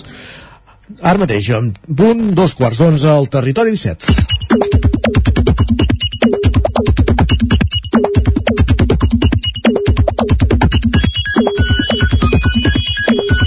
I a dos quarts d'onze en punt, cada dia és el moment de les piulades, quan arribem a l'equador del territori 17, i avui qui ens les porta és la Natàlia Peix. Eh, Natàlia, molt bon dia. Hola, bon dia. I molt bona hora. Cap Bon de dilluns. Bon dilluns, bon de tot, el cap de setmana bé, sí. Molt bé, sí. Temperatures d'estiu, però sense calorades excessives, i en Pep Acosta ja ens ha dit que sembla que aquests propers dies aniran en aquesta tònica, que ja està bé, no? I tant, parlarem de l'estiu, eh, les piulades, Sí? però abans, Abans futbol, què? Futbol. perquè cap de setmana Home, és ha que el estat Torelló, intens. clar, uh, suposo Torelló, que... El Torelló. Barça... El Madrid. El, el Madrid? Què dius? El Girona, no? El Girona, home, aviam. No, no, hi havia força teca. Començarem Va, uh, comencem per parlant de l'Almeria, si us Home, sembla. de l'Almeria, és que Un també el dels volíem equips- citar, eh? Un dels equips que jugava a pujar a primera i ho ha Mhm. aconseguit, i l'Agustí Danés, el director editorial del 9-9 i ben conegut de tots nosaltres, piulava. El futbol és espectacular perquè propicia connexions estranyíssimes. Avui a Vic i a Osona moltíssima gent contenta per l'ascens a primera de l'Almeria. El segon entrenador de, de Rubi és el biguetà Jaume Torres, els grups de Watts desbocats, l'enhorabona en Jaume i companyia. L'Agustí, que és futbolero més, eh? També cal tenir-ho en compte, i tant que sí. Ara sí, hem de parlar de la final de la Lliga de Campions de dissabte a París. Atenció al que explica la Mar. Ayer, ayer hicimos una cesárea. El padre entró a quirófano viendo la final de la Champions y no despegó la vista del móvil hasta que no acabó el primer tiempo. Me quedé sin palabras. Alucinando es poco. Doncs dins d'aquí ens hi sumem. De jutjat de guàrdia, això, eh? Valencià. per molt... Per molt futbolero que siguis. Ai. Clar, és que quan ets del Madrid ja no pots esperar gaire més. Home, Isaac, no siguis dolent. Hi ha bona gent a tot arreu. Sabeu també que hi va haver eh, problemes en l'accés al camp, que de Home. fet la final es va endarrerir sí, sí, fins i tot. hora, una cosa pràcticament inaudita i precisament arran això d'aquests problemes al, a les entrades uh Mhm. de l'estadi, sí. La Catalina diu gent sense entrades i sense passar cap control de seguretat colant-se al camp una juga a la final de la Champions potser són simples aficionats però el forat de seguretat és clamorós. Tenim una altra reflexió d'en Manel que farà mal als culers. Nacho i Carvajal tenen les mateixes Champions que el Barça. Bé, mm, felicitats. Molts anys, doncs, i tant. Va, ara sí, bones notícies eh, en clau blaugrana. Eh, Grandes, Barça femení, moltes gràcies per aquesta temporada, almenys hem celebrat alguna cosa. Això ho diu l'usuari Kubala el- 66. Alguna no, algunes en plural perquè I tant, tres, com a mínim tres títols les noies temporada del Barça. pràcticament perfecta, tot i la derrota a la final de la Champions, ahir guanyaven la Copa de, de la Reina. Um, I ara sí, uh, parlem de l'estiu. Va, parlem de l'estiu. Vinga, uh, Demà, per la- cert, ens en vindrà a parlar Manel Dot, aquí també de l'estiu, eh? Va. La Nane diu, sóc la que té la porta del balcó oberta mentre està al sofà amb samarreta de tirants i calces però tapada amb una manta. Com ho veieu? Jo això no ho acabo de, de tapar amb una manta, és, no lliga, eh? Aquí hi ha alguna Una mica- cosa que no una mica lliga. incoherent. Sí, jo crec que s'ho ha de plantejar, eh? Però bé, escolta, que faci el Cadascú, que vulgui. sí. A casa seu, exacte, cadascú com els de Manlleu, va. En Jerry diu que malament senten els diumenges abans d'estiu, que arribi ja, joder. No, senten, no, proven, que Exacte. malament proven. Va, des d'aquí que faci el que Li vulgui, però almenys el la corregim lingüísticament. Sí.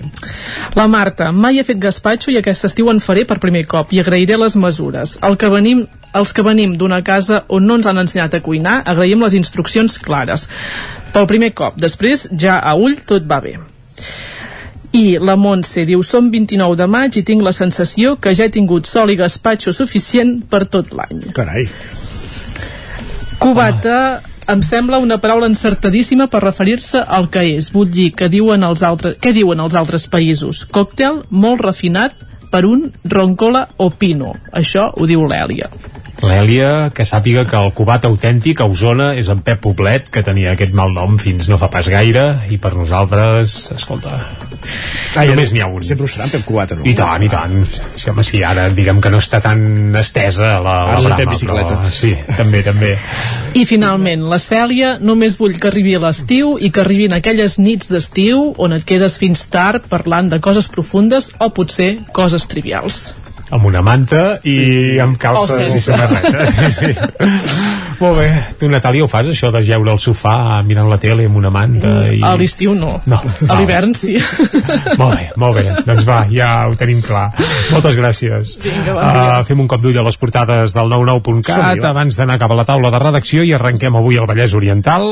Cobren explicant que Vilanova del Vallès inaugura el parc fluvial de més de dues hectàrees i es veu una fotografia, la inauguració va ser sonada amb pallassos i espectacles de carrer i, vaja, un festival. Més coses. Una persecució iniciada a l'Ametlla acaba amb la detenció dels presumptes lladres a Santa Coloma de Gramenet. Això va ser espectacular, sí. Sí, des de l'Ametlla a Santa Coloma. De, per tant, 117 avall. Déu-n'hi-do, eh? Devia sí. ser bastant, bastant bèstia. Sí, sí. I a més va acabar bé, que a vegades acaba... Va acabar bé, va acabar els Va acabar amb la- Sí, i algun cotxe aixafat, però sí. Segurament. bé, bé, i també Montmeló s'omple amb la festa del teatre familiar. Aquest cap de setmana no hi va haver només festos a Torelló, sinó que a Montmeló també hi va haver espectacles, en aquest cas de carrer. Anem cap a Osona i al Ripollès, l'edició s'obre ara mateix explicant que Osona es consolida al capdavant de les comarques d'interior on s'està construint més habitatge.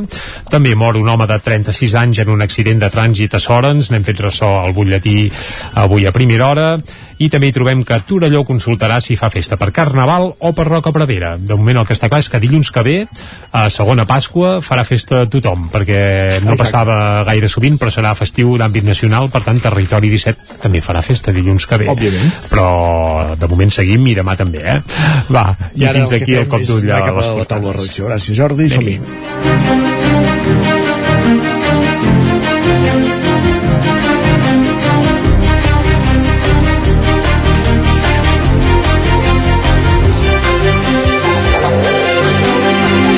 Taula de redacció avui en companyia de Guillem Rico i de Miquel R. Guillem, benvingut, bon dia. Bon dia. Parlem de jutges de pau, una figura que està en qüestió per Sí. alguna llei estatal. Una llei estatal, la Llei Orgànica d'Eficiència Organitzativa del Servei Públic de Justícia, que s'està tramitant a, al, al Congrés i que preveu això, la supressió d'aquesta figura i substituir-la per unes oficines de, de justícia.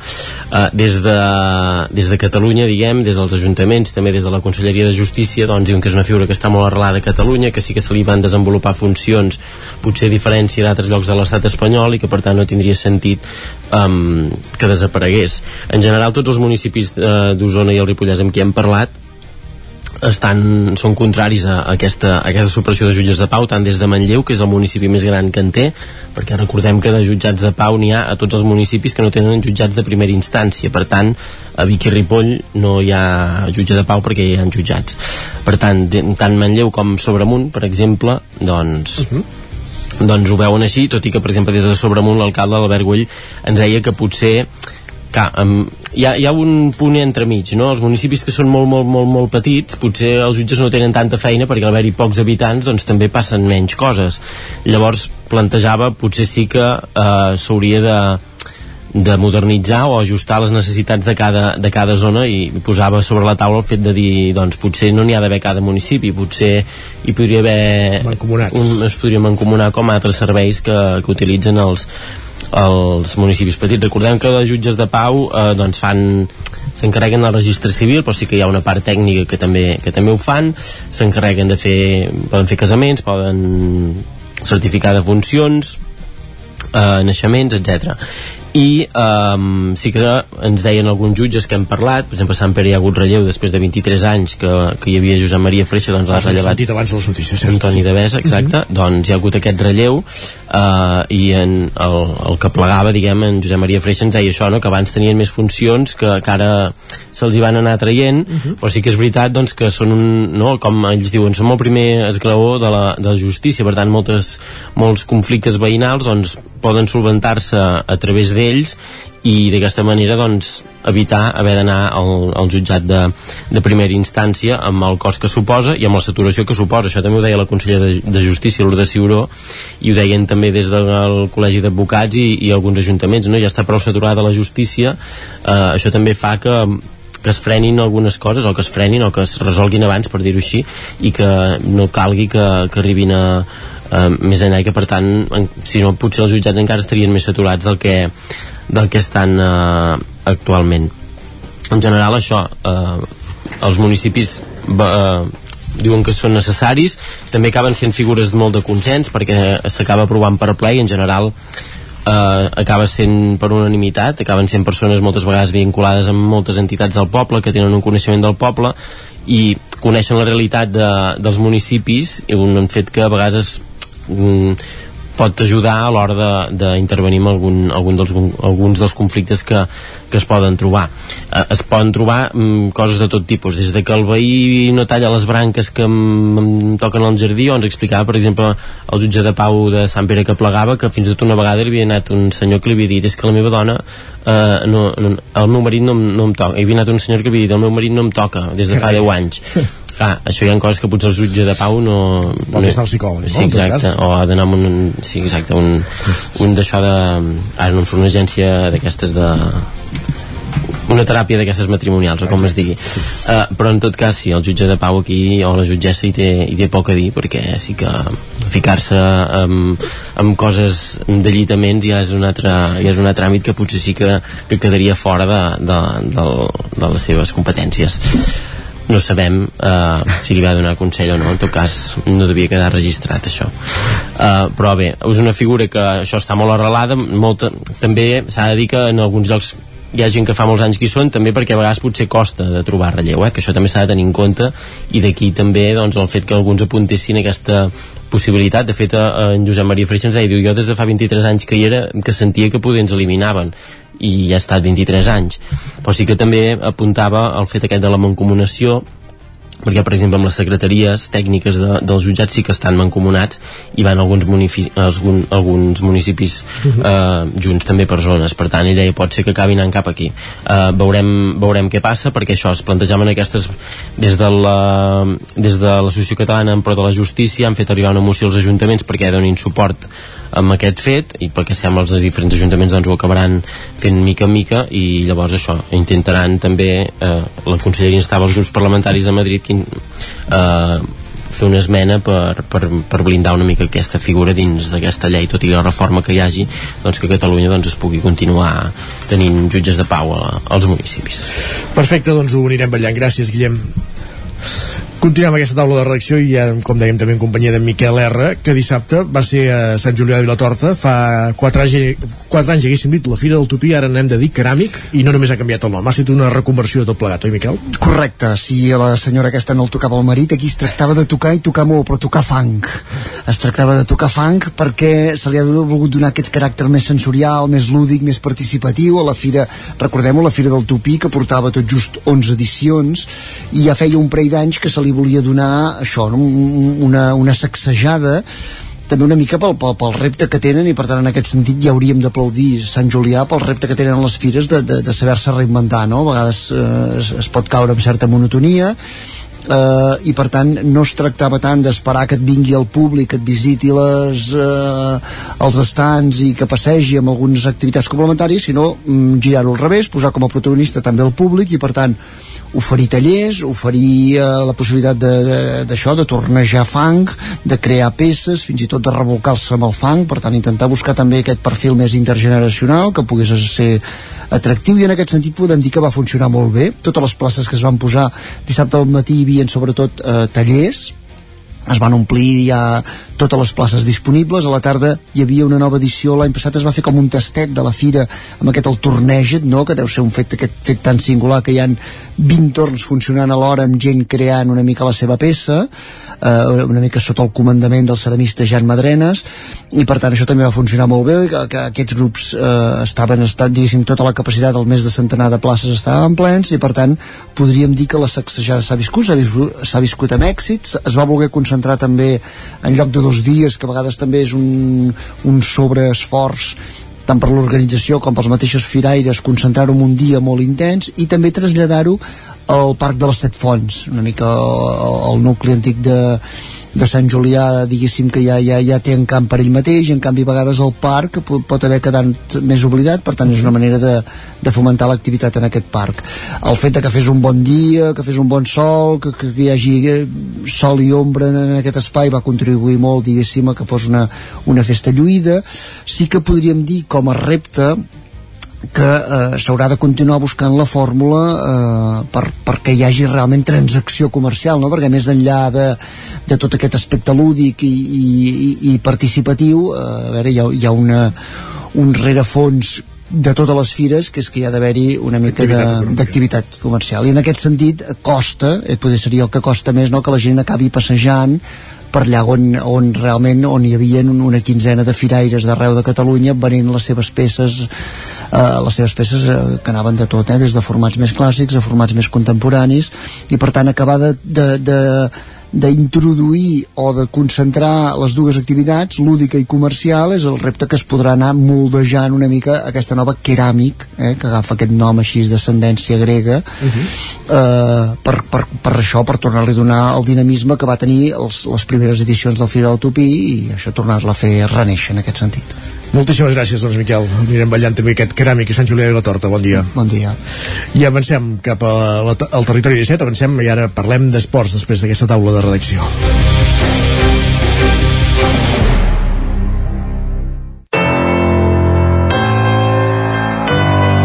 Territori, Territori 17. 17. Territori 17.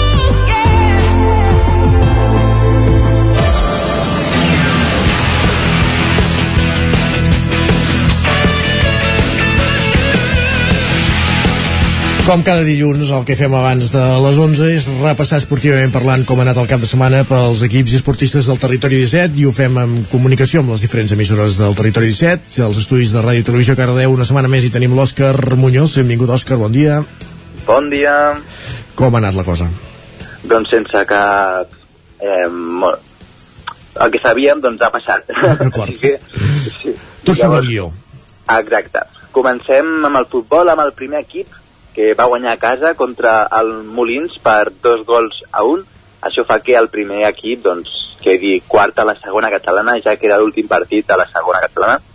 El primer equip que ha estat lluitant en tota la temporada a les primeres places doncs, ha tingut un mal hi ha hagut un mal de temporada al final que han fet que quedessin a la quarta posició. Així que doncs, el primer equip ja ha acabat i també aquí també ha acabat ha sigut la tercera catalana, el filial eh, aquest diumenge va guanyar fora de casa contra el Montornès, va guanyar per un gol a 3, i la tercera catalana, que també estava lluitada per tres equips, l'Atmella, el Sant Celoni i el Cardedeu, doncs l'Atmella va guanyar per 4 gols a 2 i es queda doncs, primera de la tercera catalana, el Sant Celoni va perdre però va guanyar més partits que el Cardedeu, així que queda segona a la tercera catalana i el filial doncs, queda tercer a la tercera on també van acabar les lligues va ser a l'handbol uh -huh. el Franking haurà de jugar els play-offs de, de, de la lliga però la fase regular, doncs, el Franklin va guanyar ahir diumenge contra l'Atlético Valladolid per 35 a 29. Amb aquesta victòria doncs, es programa subcampió de la Lliga Sobal després de 29 anys. O sigui, eh, ser subcampió de la Sobal és com quedar primer, ja que doncs, sempre està el Barça primer, és com que en aquesta lliga no, aquesta sí, sí. plaça no, no existeixi. Llavors, doncs amb aquesta victòria es programa campió que després, eh, la setmana que ve, haurà de jugar doncs, contra, contra el Bada, el Bada, Vidasoa? No, Badajoz? Exacte, el, el Vidasoa. Molt bé. Llavors, doncs això. I acabem amb les noies del CAC 7, que també van guanyar, eh, van guanyar di, dissabte a Porriño, a Galícia, i això van superar l'equip per 37 a 40. Amb aquest resultat fa que es quedin setenes de la, de la Lliga Guerrera Ciberdrola uh -huh. de 7 de 14, o sigui, la meitat de, de la temporada. Perfecte, Òscar. Així que seria aquest el repàs d'aquí esportiu de, de la zona. Molt bé, doncs queda recollit. Gràcies, Òscar. Bon dilluns. Fins ara. Continuem, avancem, anem cap a una codinenca, ja ens hi espera la Caral Campàs. Caral, bon dia. Hola, bon dia de nou. Per parlar d'esports en primera persona, perquè t'hem vist fent equilibris per l'Osca de Cabrera aquest cap de setmana, eh? Uh, sí, exacte. Ah. Ostres, sí, sí, eh, vaig, vaig pujar fins al santuari de Cabrera, molt, molt xulo, eh? Molt recomanable. Sí, I tant. Sí, Molt bé. Doncs recomanació feta, ara parlem d'esports de, de competició, va. Sí, el, mira, començo pel futbol, si et sembla, el grup 6 de segona catalana, on, bé, com hem anat dient i hem anat sentint a l'entrevista també, el Torelló doncs, ha certificat el seu ascens a primera, i per la seva banda, el Caldes eh, també ha acomiadat doncs, aquest cap de setmana una, una temporada històrica, i ho ha fet amb victòria. Els calderins eh, ja van certificar també el seu ascens a, a primera eh, fa unes setmanes, i tot i haver-se relaxat els dos últims partits, perdent, aquest dissabte doncs, el Caldes va vèncer el Taradell per eh, 3 a 4 amb 4 gols signats pel mateix jugador, Josep Alzina que va ser l'artífex del triomf per tant bé, van poder tancar la temporada amb bon, bon regust finalment. Molt bé. I a tercera el grup eh, 5, a on aquí encara queden dues jornades per disputar. Teníem derbi Sant Feliu de Codines Castellterçol, un partit que, que va acabar en taula, 0-0. Eh, els codinencs doncs, jugaven a casa i van ser, val a dir, el clars, clars dominadors de, del partit pel que fa possessió, però sense generar a ocasions gaire clares i el Castellterçol per la seva banda també va tenir bon joc amb, amb potser ocasions més clares però sense arribar a marcar. Per tant bé, repartiment de punts entre mm, Sant Feliu de Codines i Castellterçol i tenim un altre empat a 0 eh? aquí a, a aquest grup 5 de tercera en aquest cas entre el Mollà i el Centelles. Uh, un partit també igualat amb, amb una primera part doncs molt lluitada però amb poques ocasions per part de, dels dos equips. Uh, val a dir que el Centelles va marcar però el gol va ser invalidat per un fora de joc. I bé, la segona part també va ser dis molt disputada però amb el marcador sense moure's. Per tant també un altre empat a zero amb, amb repartiment de punts entre el Mollà i el Centelles. Uh, i llavors tancaria el futbol amb el filial d'Alcaldes que també està en aquest grup 5 de, de tercera i que no ha fet una temporada massa bona. De fet del tot irregular doncs va perdre davant el Navàs aquest cap de setmana un partit eh, que va acabar amb Navàs 2 Caldes 1 els calderins eh, van començar marcant al minut 19 i al 50 el Navàs posava l'empat a 1 que es va allargar fins al minut 86 eh, quan els calderins van encaixar el segon definitiu del Navàs. Eh, i me'n vaig a l'hoquei tenim un partit d'hoquei femení uh -huh. uh, les noies del Vigues uh, que bé, ja no jugaven res a l'hoquei Lliga en el partit d'aquest cap de setmana l'últim de la competició però bé, van poder tancar la temporada amb orgull uh, i van signar un resultat de 2 a 5 dissabte a la pista semicoberta de les Rozes uh, i bé, uh, així tancant doncs, aquestes, les noies de, del Vigues i Riells amb la temporada amb, amb vuitena posició amb 32 punts i i també us recordo que l'entrenador Ramon Peralta doncs, s'acomiada doncs, també de la banqueta i eh, dues jugadores, eh, Gemma Camp i Daniela Canyador D'acord, doncs moltíssimes gràcies Caral a vosaltres. Fins ara. Continuem el recorregut cap als estudis de la veu de Sant Joan amb l'Isaac Montades. Bon dia, Isaac. Bon dia. Com ha anat el cap de setmana? Doncs eh, tenim alguna mala notícia perquè, per exemple, comencem parlant de futbol, el Camprodon va consumar el seu descens a la tercera catalana aquest cap de setmana després de molts anys jugant a segona. I és que tot i no jugar, doncs els camprodonins eh, van veure com el Marc Adalam feia els deures i guanyava el camp de l'Unió Girona per 2 a 4 i aquest resultat condemnava el Camprodon al descens, que és coer de, del seu grup amb 7 punts a falta de només un partit per acabar aquesta fase de permanència del grup 4 i per tant ja no té uh, opcions matemàtiques de, de salvar-se. Um, en canvi, uh, precisament els dos equips que ara militen a la tercera catalana, que es veuen beneficiats en aquest sentit perquè tindran un nou derbi l'any vinent i això sempre va molt bé per fer fer caixa durant doncs, almenys de dos partits uh, ho van celebrar uh, amb, amb victòria tots dos. Uh, la Badesenc va recuperar les bones sensacions per imposar-se a casa contra l'escola de futbol de la Garrotxa per 2 a 0 és en un partit que van dominar completament sobretot a la primera part on van disposar de moltes ocasions. Es van avançar els Sant Jonins amb un gol d'Àlex als 9 minuts de, de partit. Eh, en marcar pel pal curt del porter mentre que just abans del descans Gómez va aprofitar un refús per marcar amb un altre xut arran de pal. I a la segona part el partit sí que va baixar de revolucions, però els Sant Joanins tot i així van enviar una pilota al pal i el seu porter Rovira doncs, va aturar un penal que va evitar que es posessin dins del partit a l'escola futbol de la Garrotxa. Ara la Badesenc és quart amb, amb 53 punts i el Canànol és 6 amb 52. Eh, va golejar per una 5 al camp de les Planes, on va recuperar la, la millor versió com la Badesenc també eh, els visitants es van avançar els 10 minuts amb un gol d'Uri Pérez amb un xut per sota de les cames de, del porter va tenir diverses ocasions per fer uh, el segon i també com la Badesenc Blasco va marcar abans del descans per tant va ser una primera part calcada a la dels Sant Joanins -huh. en aquest cas amb un xut fora a l'àrea a la segona no, a la segona hi va haver-hi molts més, molts més gols uh, a la represa Boix va reduir distància amb un xut de fora a l'àrea on el porter de Canolenc va, va errar però el camp de Bànol va posar setge a la porteria uh, uh, uh, de, la, de les planes amb un xut al pal d'Aitor i una altra ocasió clara de Garnatxa i en un contraatac Aitor va marcar amb un xut potent Maideu va fer el quart en driplar-se al porter i Garna va completar la maneta aprofitant una altra errada del porter. Mm, també males notícies a la primera nacional de futbol sala perquè l'escola de futbol sala Ripoll Servicat ja no depèn de si mateix per salvar-se, és que va perdre per 3 a 1 a la pista de l'escola Pia Santana de Mataró. Això que els ripolleros van arribar al descans amb empat a 0 al marcador eh, sense masses ocasions i a la represa fins i tot Adrià va aconseguir eh, avançar avançar l'escola de futbol Sala Ripoll en el marcador però els locals van empatar i després van, van capgirar l'electrònic. Ara els ripolleros són desens amb 16 punts i els hi queda un partit per acabar la Lliga i el Santana i l'Argentona que estan al seu darrere amb 12 punts eh, els hi queden dos i tres partits respectivament i a més a més eh, un és entre ells. Per tant eh, segur que un sumarà segur. Per tant el Ripoll s'ha complicat la vida i ja no depèn de, de si mateix i acabem dient-vos que aquest cap de setmana a Ribes de Freser es va fer aquesta cursa de, dels bombers aquest diumenge que comptava amb dos recorreguts. Eh, el recorregut més llarg era de 22 eh, quilòmetres i el recorregut més curt eh, que bàsicament només podia fer caminant era de, de 10 quilòmetres. Marc Costa va ser el primer a completar el de 22 amb una hora i 59 minuts i en la categoria femenina va guanyar Núria Vila amb un temps de 3 hores i 13 minuts. Ramon Macias i Esther Puig van ser els primers en, en acabar el recorregut de 10 quilòmetres. Perfectíssim, Isaac. Parlem després de la tertúlia. Gràcies. Fins després. Adeu.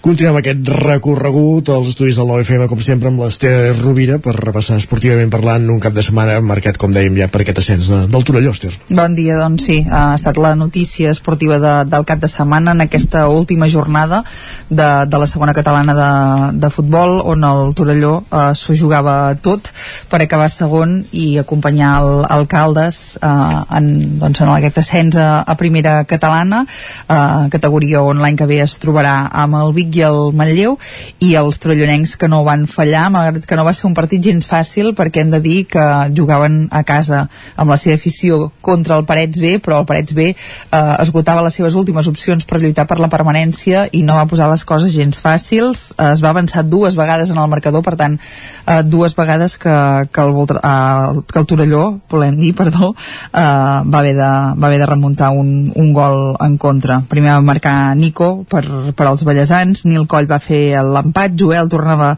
a posar per davant el, el Parets i després dos gols de Bernat i dos de Mini van suposar el 5 a 2 final que certificava doncs una fita històrica per al Torelló que recordem que fa tres temporades ja van pujar de tercera a segona catalana amb el projecte eh, que encapçalava l'Itus Arjona que, doncs, que, que es feia càrrec de l'equip. També recuperaven jugadors de, de Torelló vinculats amb el municipi que estaven escampats a, a altres equips i feien doncs, un projecte ambiciós i amb ganes de, de pujar um, però després pel mig hi ha hagut dos anys de pandèmia que, que van posar les coses complicades recordem que la temporada passada la segona catalana doncs, es va jugar uh, una copa però, però no van poder fer la, la lliga normal per tant vés a saber si fins i tot es podria haver produït abans eh?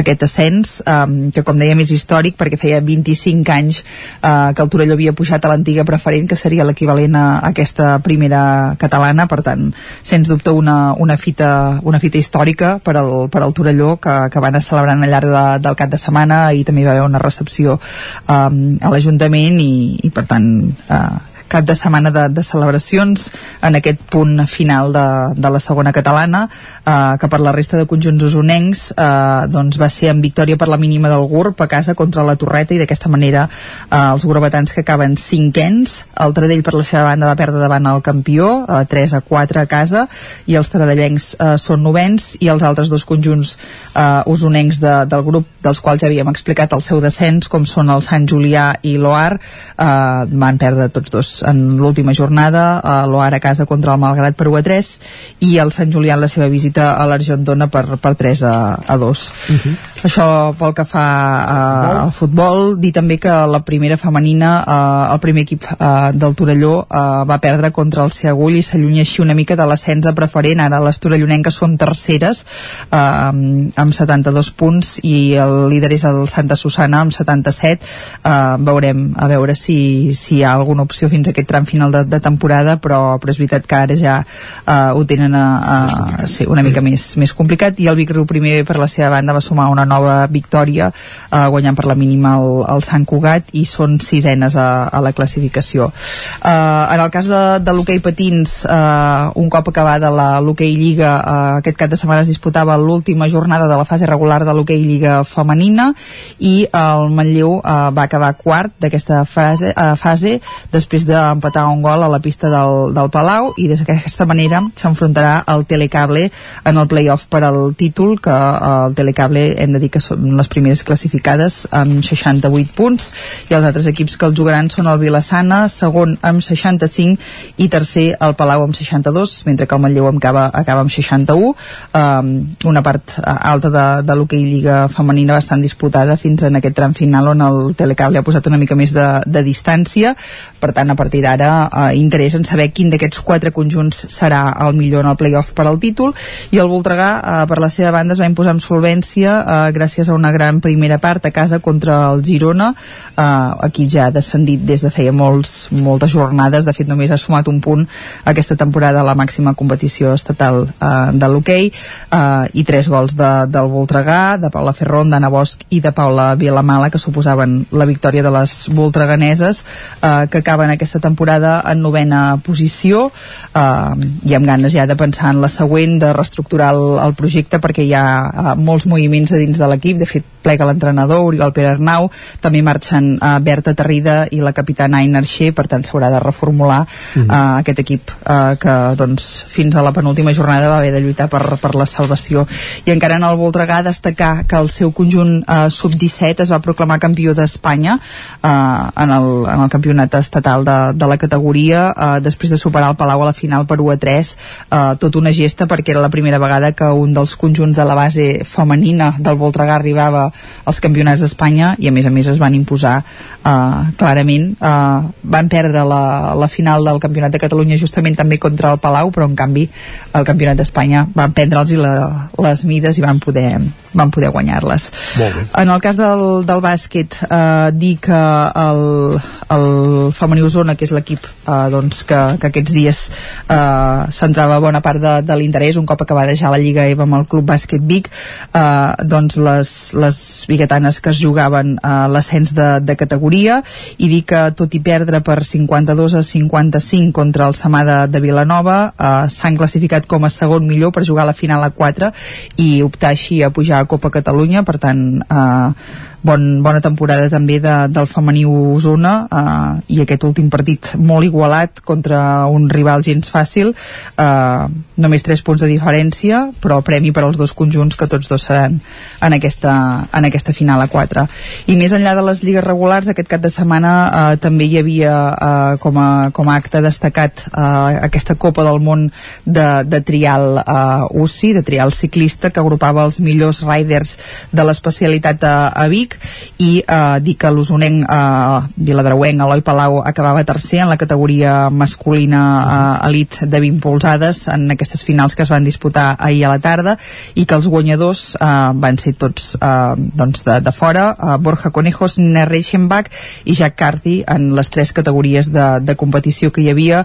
Una jornada que com l'any passat en el cas de, del Campionat del Món va tornar a plegar eh, molt, moltes persones aficionades eh, a aquest esport. O, o si no també eh, encuriosit, eh, perquè eh, molta gent també el desconeix, el, el trial, i el fet de portar proves de primer nivell aquí doncs, fa que molta gent que potser no el conegui tant doncs, també s'hi acostessin per, per saber-ho. I d'altra banda, eh, aquest cap de setmana també hi havia la, la Cabrerès BTT, una nova edició d'aquesta cursa popular ciclista que va plegar més d'un miler de, de participants eh, després de dos anys de, de pandèmia i sobretot amb un gran ambient de, doncs de, dels participants que tenien ganes de, de tornar-la de tornar a disputar. Perfectíssim, gràcies Esther. Que vagi molt bon bé. dilluns. Doncs repassat de l'actualitat esportiva, el que fem és posar-nos al dia de l'actualitat en general aquí al Territori 17. Territori 17, amb Isaac Moreno i Jordi Sunyer.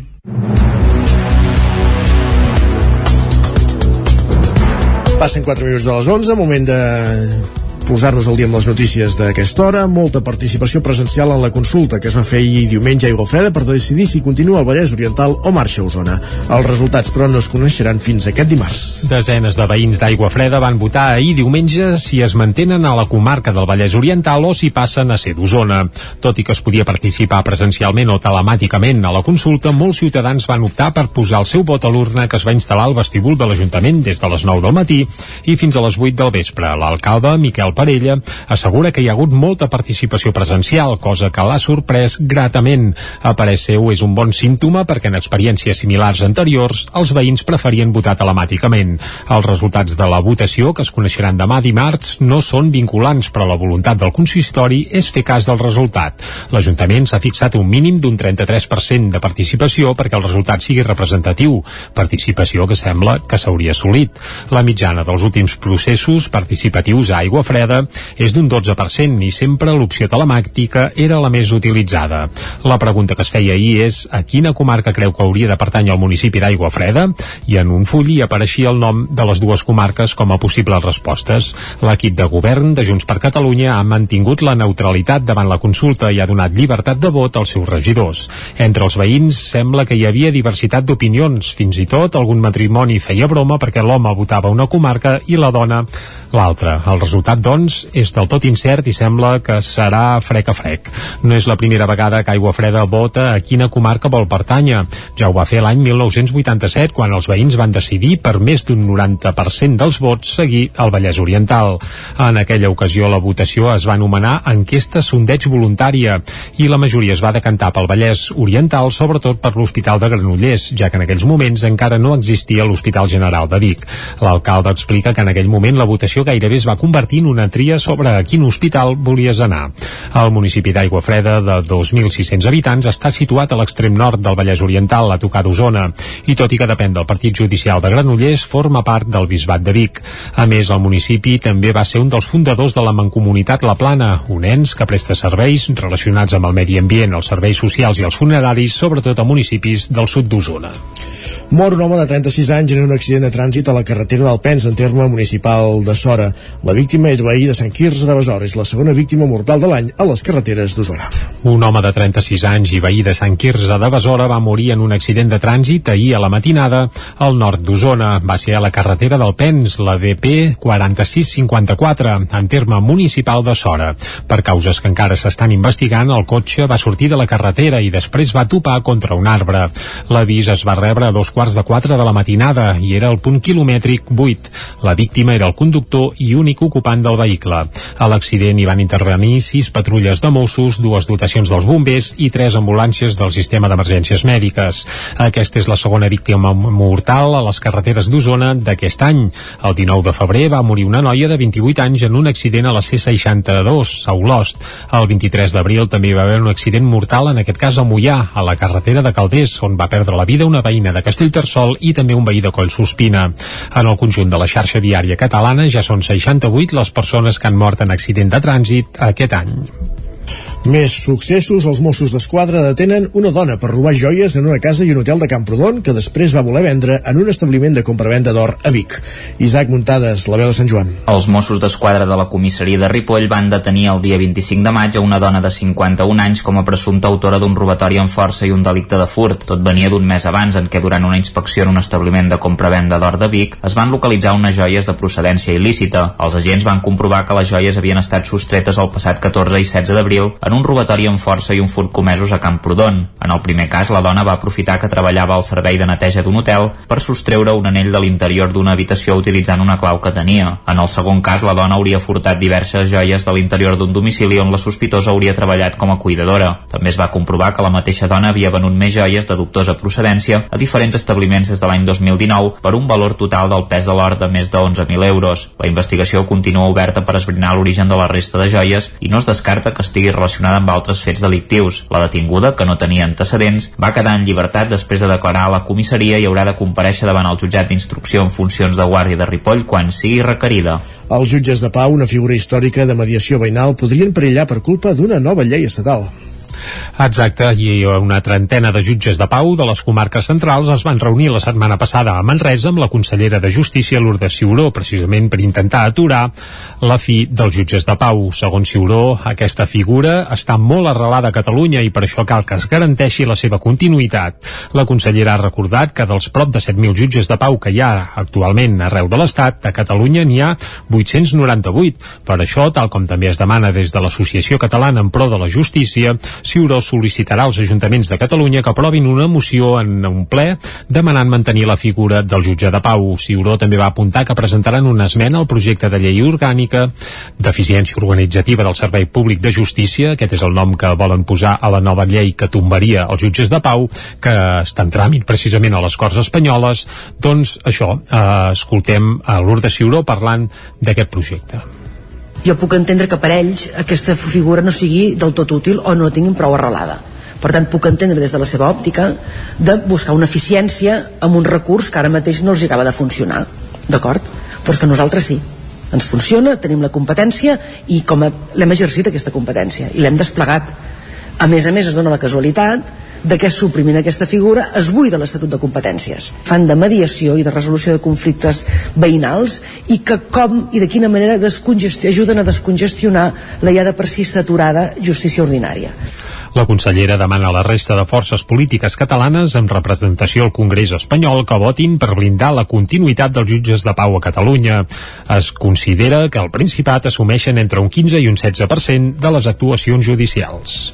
Els jutges de pau sovint són el primer esglaó de la justícia. Algunes de les feines que més els ocupen són de registre, naixements, casaments o de funcions i mediacions de conflictes, però estan tan a la vora de la ciutadania que es coneixen molt bé els conflictes dels veïns. Després de 23 anys a Sant Pere de Torelló hi ha hagut un relleu en aquesta figura i ara coneixerem el nou jutge de pau, Antoni de Besa. Exacte, Antoni de Besa és el nou jutge de pau a Sant Pere de Torelló des de fa un parell de mesos. Va ser escollit d'un total de 7 candidats. No prové de l'àmbit judicial, però explica que té vocació. L'escoltem. Vaig pensar que, que podria ser una cosa per ajudar la gent del poble i això, a més a més és una cosa que sempre m'ha agradat i he pensat que és una figura molt important i davant meu doncs tinc un llistó molt alt d'una persona que porta molts anys fent això vull dir que és una mica complicat però ho enfronto amb ganes i amb, i amb il·lusió. El relleu l'agafa de Josep Maria Freixa, que ha estat jutge de pau a Sant Pere de Torelló durant 23 anys. En aquest temps n'ha viscudes de tots colors. Escoltem a Josep Maria Freixa. Som el primer esgró de la justícia. Sempre venen aquí la gent per evitar de mals majors. Què vol dir? Que evitar per anar a primera instància. A buscar, el problema seria buscar advocats, coses així. En canvi aquí, com que la justícia és gratuïta aquí, doncs per tant mirem d'evitar-ho i que marxi tot aquí tothom content. La gent, normalment, abans d'arribar al lloc, venen aquí i llavors diuen, bueno, com ho podem fer-ho d'això? I normalment he tingut algun ca alguns casos, sí, problemàtics com tothom.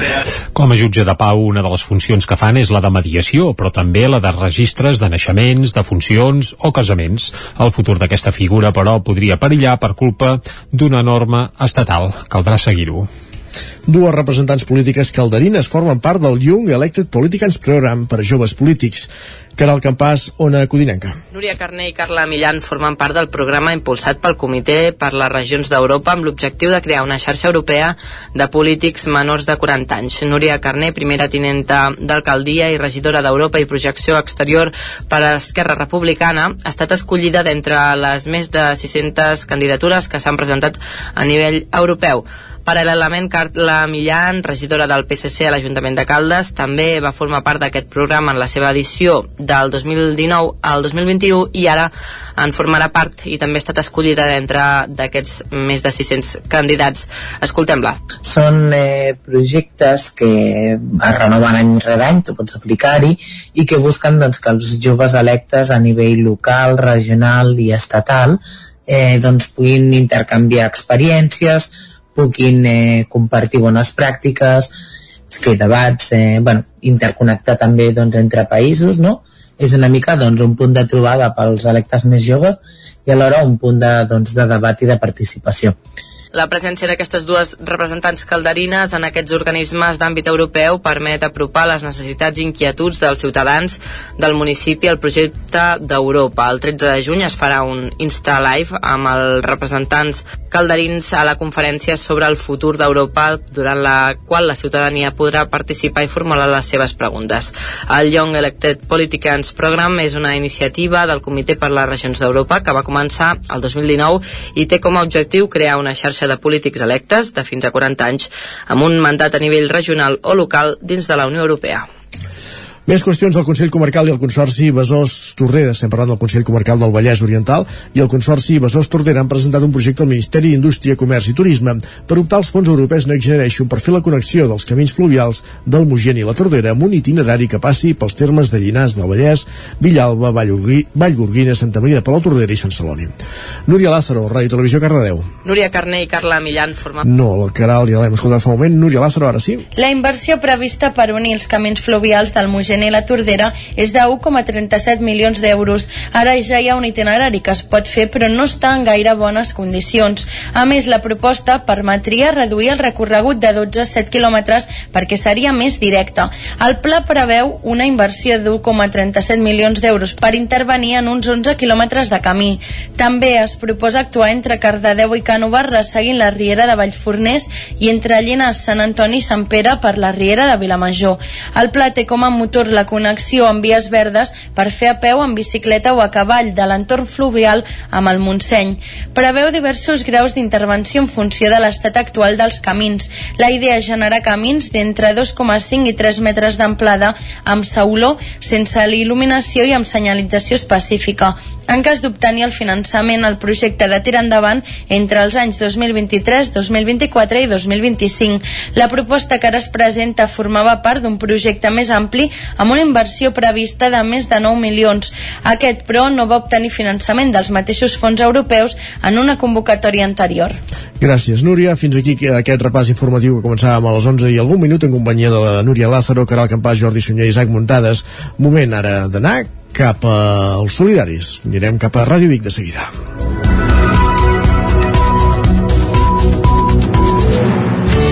Territori 17. Envia'ns les teves notes de veu per WhatsApp al 646 079 023. 646 079 023. WhatsApp Territori 17.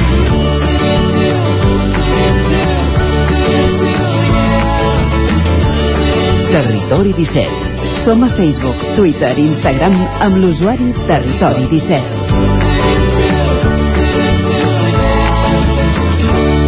Passen pràcticament dos minuts d'un quart de dotze, anem als solidaris.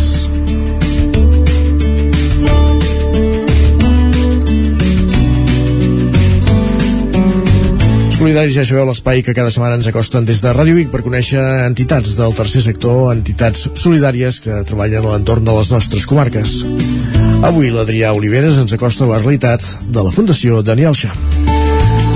Adrià, bon dia, quan vulguis. Després de molts mesos sense parlar amb la Fundació Daniel Sach i Núria Toneu, hem tornat a contactar amb ells per saber com han anat aquests últims mesos i perquè volem saber noves notícies i noves novetats que ens arriben des d'allà on treballen. Actualment la Fundació porta més de 30 anys treballant a la Índia. Per ser més concrets, treballen a l'estat del West Bengal, a Kalyanpur i zones rurals dels voltants on tenen varis projectes i també aldees remotes dels voltants. Així doncs, hem tingut el privilegi de parlar amb la Núria Toneu, cofundadora i presidenta de la Fundació Daniel Sag i Núria Toneu. Li hem preguntat com és l'organització, tant d'aquí com de la Índia, com recorden els inicis, quin paper fa l'entitat on treballen i moltes coses més. Així que avui, des de Ràdio Vic i a través del Territori 17, sentireu la veu de la Núria Toneu, que ens explicarà l'actualitat de l'ONG i en quin punt es troben ara mateix.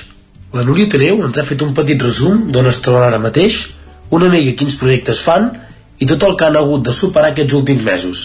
L'escoltem. Doncs mira, la Fundació fa, t'explico una miqueta, la Fundació fa que treballa a l'Índia des del 1993, gairebé fa que arribi a 30 anys i tenim permanència constant a la zona on, on es treballa.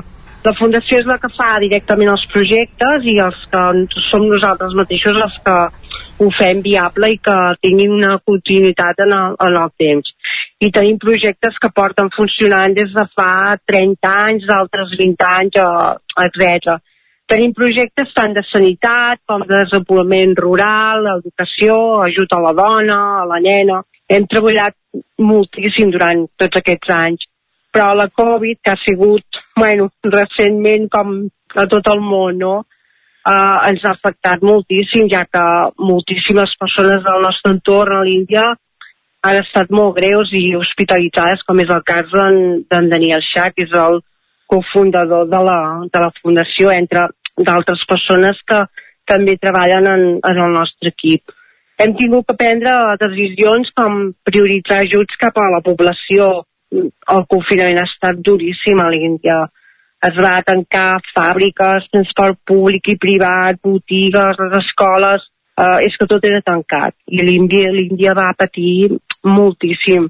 Un cop instal·lats, no és gens fàcil ser acceptats. I és per això que li hem preguntat a la Núria com va ser la rebuda que van tenir per part de la gent de la Índia i de quina manera es van acoblar. Aquí hem de tenir en compte que el nostre equip és de l'Índia, menys, menys jo que sóc la, la rara. I també s'ha de tenir molt en compte que som nosaltres mateixos qui, qui fa les coses. En, en totes les zones on hem treballat hem trobat molta, molta acceptació, naturalment, perquè en Daniel és allà, parla la, la seva llengua, sap la seva manera de pensar, mm, la religió, sap eh, els seus temps per pensar en la proposta, quan vàrem començar jo i en Daniel ja teníem moltes idees. Les persones que ens hem anat trobant no, pel camí, que encara són al costat nostre, eh, que, que són d'allà, uh, perquè un projecte funcioni aquí s'ha d'involucrar a tothom. Som cooperants i cooperem amb ells. Les persones més influents del poble és necessari que estiguin super, super involucrades amb, amb tot i, bueno, uh, per això és la, la rebuda, per això ha sigut satisfactòria, perquè més que d'aquí som, ja som d'allà, és que som d'allà. Després de tants anys col·laborant a la Índia, uns 30, volem saber si aquí a Osona la gent coneix la Fundació i coneix els projectes que realitzen. La Núria Toneu ens dona una resposta molt clara del que pensa i creu que és degut a la falta de poder sortir als mitjans de comunicació. No, no, no ho sap, no, no tenim gaires oportunitats de donar a conèixer la nostra feina. De tant en tant, programes com el vostre que dona l'oportunitat del qual estem uh, super agraïts mm, de que, que sigui possible mostrar-ho, però no ens podem permetre campanyes de publicitat audiovisuals o d'una altra mena perquè és que seria totalment inviable per nosaltres. És, és caríssim poder fer uh, aquest tipus de publicitat. Uh, podem mostrar-ho a través d'imatges o vídeos que hi han penjats a la, a la web, a la nostra web, la feina que es fa, però no deixen de ser uns instants que, que mai es podrà ensenyar del tot. Cal viure la situació, sentir-la. Uh, les persones que treballem a la Fundació, clar, és que no som màquines. La feina que, que es fa és, és duríssima i no tenim tant poder com per poder-ho ensenyar així en plan a les televisions o, o als diaris, és que no, per nosaltres no, no seria viable i la, la frustració també de, eh, és angoixant de no poder ajudar més perquè el no poder-ho eh, explicar més a la gent potser reps menys ajuda, ajuda i, i encara pot ser menys coses. Vull dir que fem el que podem. Però bueno, l'important és que la Fundació és d'allà, fem la feina que s'ha de fer i tirar endavant amb tot, però tenir la seu a Catalunya i cooperar a altres territoris que estan a tants quilòmetres no és feina fàcil. S'ha de tenir una bona organització i gent entregada i amb ganes. La Núria ens fa aquesta contesta i destaca també el paper tan important que té la dona el coordinador i director dels projectes és en Daniel Xat, és el uh, cofundador de la fundació. I, bueno, al ser tot l'equip d'allà i, a més a més, nosaltres tenim permanència constant a la zona on treballem. Els cooperants són de la zona, igual que en Daniel, eh? I, i uh, clar, passa la majoria de l'any uh, allà. L'oficina i casa de voluntaris i la nostra casa és dins el recinte de, d'on ha l'escola, estan a uns quants metres de, de la nostra escola Sirena, que és de, de primària. Coordinar tanta gent no, no és feina fàcil, hi ha molta feina a fer, hi ha projectes de sanitat, de desenvolupament, d'educació i clar, tots van al mateix temps. No és ara un i després l'altre, són projectes que alguns ja tenen una manera de treballar quasi autònoma gràcies a la implicació de tots, i, però bueno, d'altres, clar, van tots uh, al mateix temps. Però sí que m'agradaria destacar molt que és el paper de la dona en, en tots els projectes que la Fundació té. Elles són les artificis dels projectes d'educació i de salut i de, de desenvolupament, perquè tenen super mega força, ganes i, i s'empoderen dels projectes. És que elles són el volant de, de tots els projectes que, que tenim.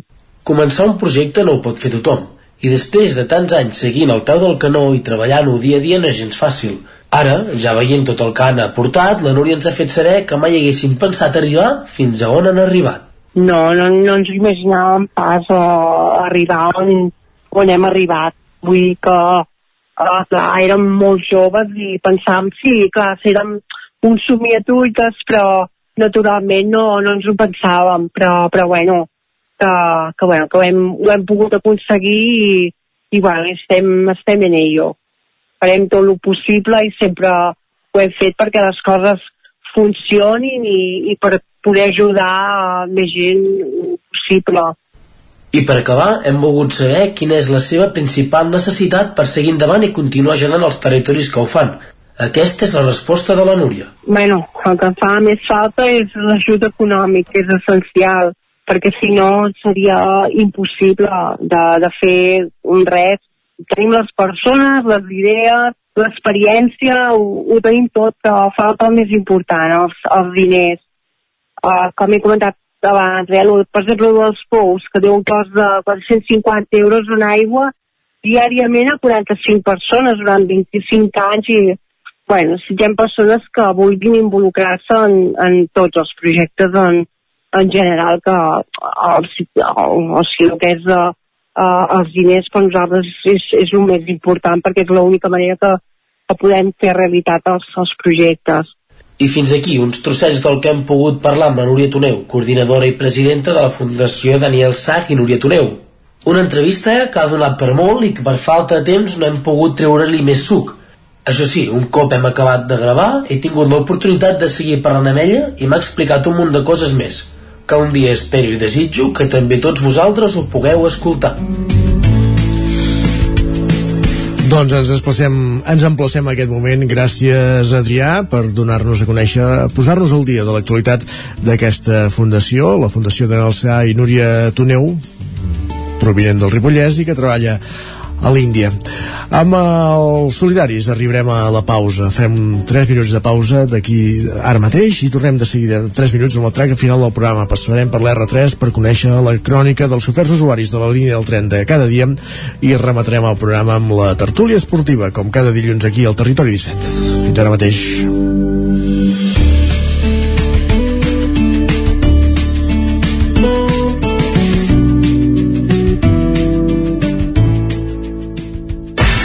El nou FM, la ràdio de casa, al 92.8.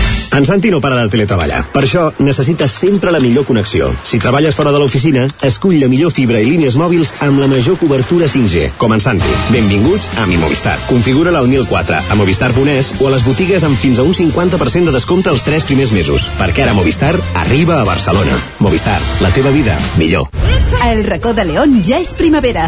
Gaudeix de la nostra terrassa. Vine a tastar les xuletilles de lechal a la brasa amb una bona amanida o el xuletón de vedella gallega. No et pots perdre el nostre lechado de Castilla al forn o el cochinillo a l'estil de Segovia. Tot acompanyat del millor celler, al menjador o fora la terrassa.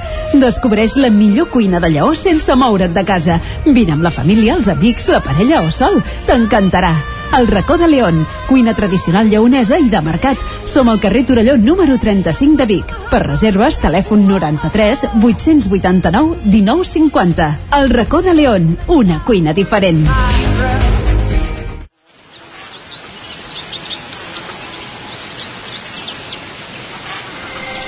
Coneix les herbes remeieres.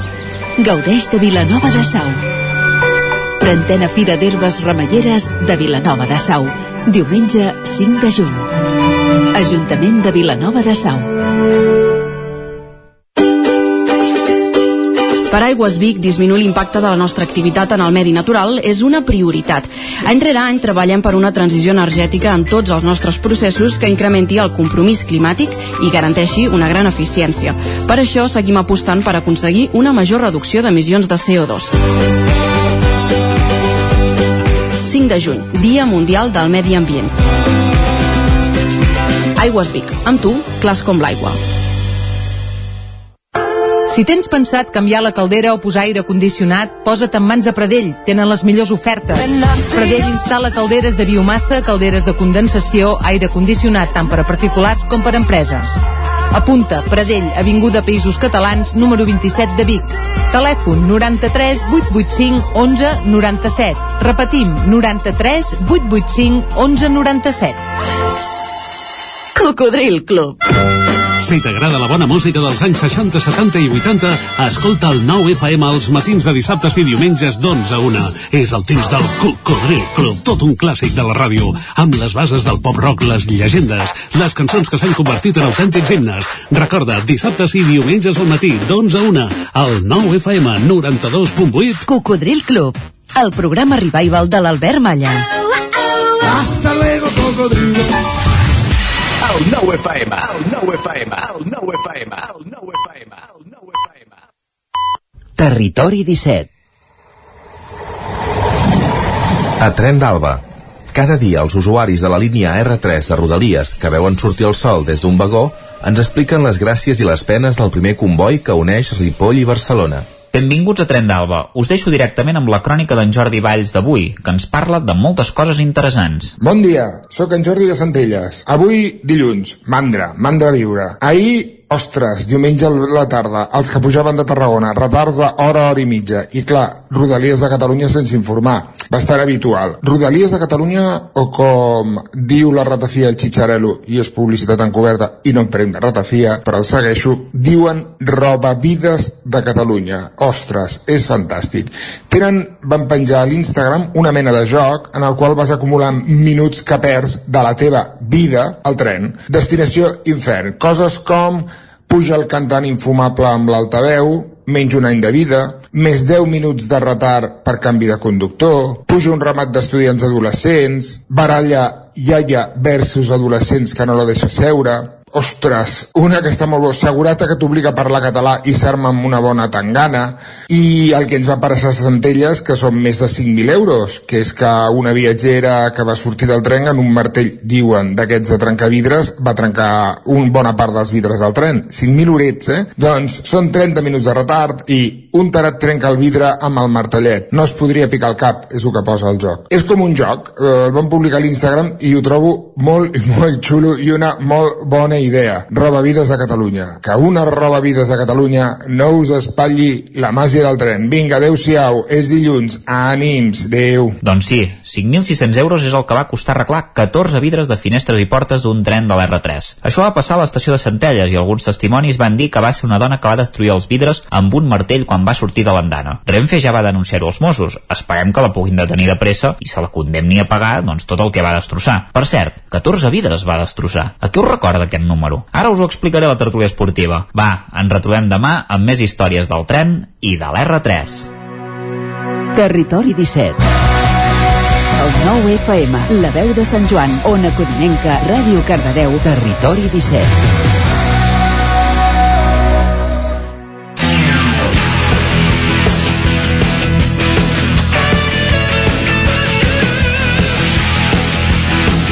Dos minuts i mig que passen de dos quarts de dotze El 14, sens dubte, el número que duia Johan Cruyff a l'esquena. Sempre serà aquest número, cap més. Guillem Freixa, bon dia. Bon dia. Lluís de Planell, bon dia. Bon dia. Podem parlar del Girona, que s'ha classificat pel playoff De la Copa de la Reina del Barça eh, per... O de la Sèrie del Torelló, primera catalana Que tremoli el Vic, no Lluís? I tant. Isaac Montades, bon dia Bo, bon dia, o podem parlar de la 14a Champions del Madrid, que és perquè, per, pel que anava el número 14, que, que us deia evidentment, eh?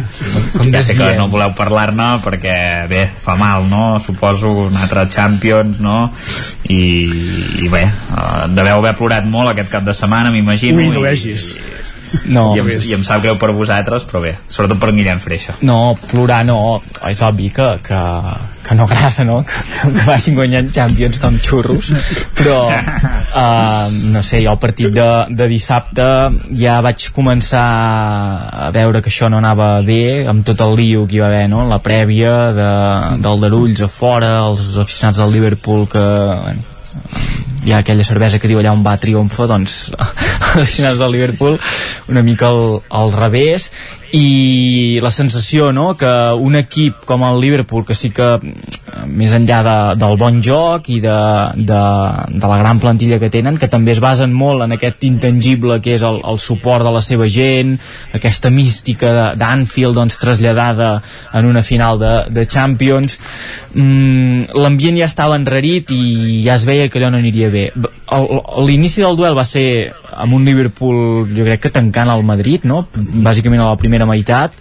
el, el Liverpool va tancar el Madrid va tenir un munt d'ocasions per, per avançar-se i va topar amb un monstre uh, jo crec que aquesta Champions gran, o gran part d'aquesta Champions en la final uh, és de, de Courtois del, del porter del Madrid que allò que diuen eh, de, de tenir estrelles a la porteria doncs eh, la justificació és, és un partit com el de dissabte en què eh, Courtois ho va aturar tot i més.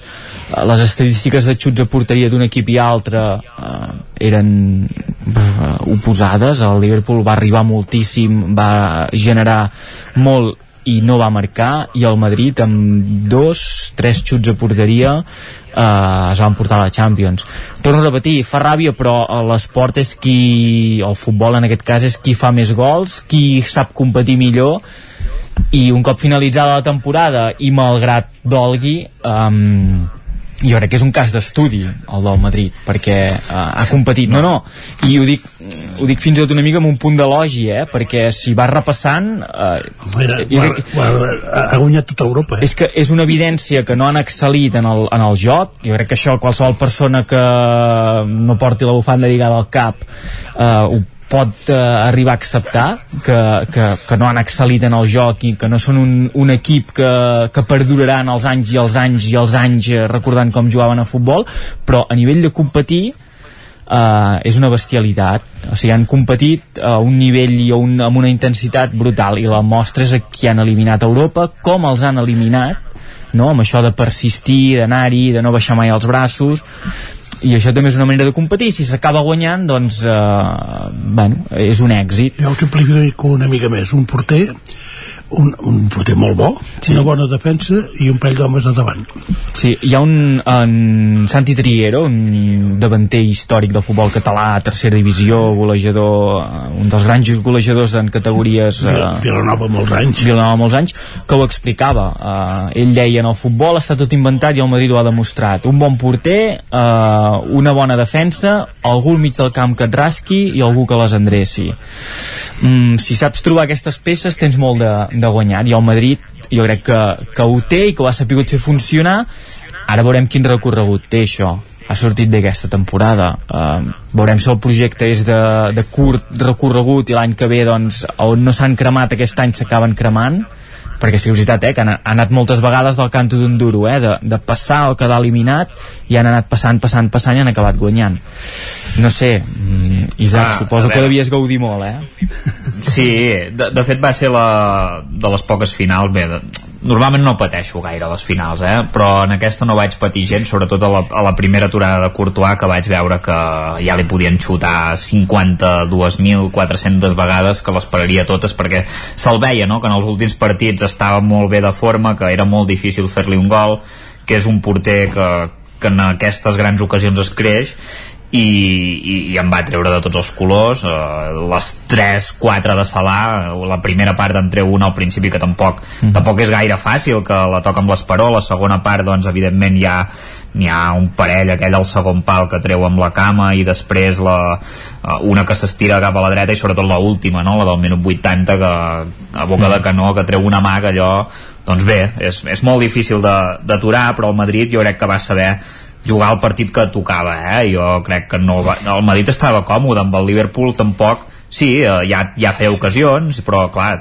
clar, tampoc eren xuts allò claríssims a la primera part sobretot còmode, I... però te n'entra una de les diverses que van tenir sobretot a la primera part i et canvia o sigui que també hi ha sí, aquest punt bueno, d'encert no... fortuna de, de Courtois de treure-les vull dir, el... a, a, a, la segona part per això jo vaig veure el Madrid que es va jugar una mica més a lo que va voler el Madrid que va ser una mica el partit es va trencar una mica al mig del camp ells només tenien un migcampista allò diguéssim que, que ho sostenia tot, que era Fabinho i el Madrid allà al mig del camp guanyava amb bastants efectius, clar, van acabar jugant amb quatre davanters al Liverpool. Mm. vull dir que la, la, les transicions les con, els contraatacs el Madrid eh, va jugar bastant bé en el primer toc en alguns moments de la segona part i, i podria haver sentenciat el partit. I va haver una ocasió de Ceballos al final per, per sentenciar que no sé què va fer exactament i va haver l'ocasió de la falta de Casemiro que, que incomprensiblement no va xutar porteria i la va deixar enrere el gol molt bé i evidentment el gol anul·lat de la primera part que, que bé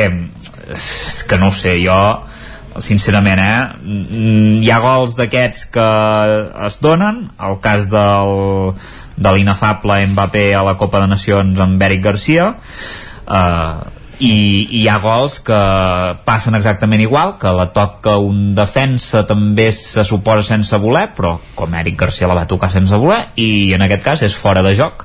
Bueno, ens haurem d'explicar però en tot cas eh, el Madrid va fer un gran partit. La dècimo Courtois que li diu la gent no? per, per la...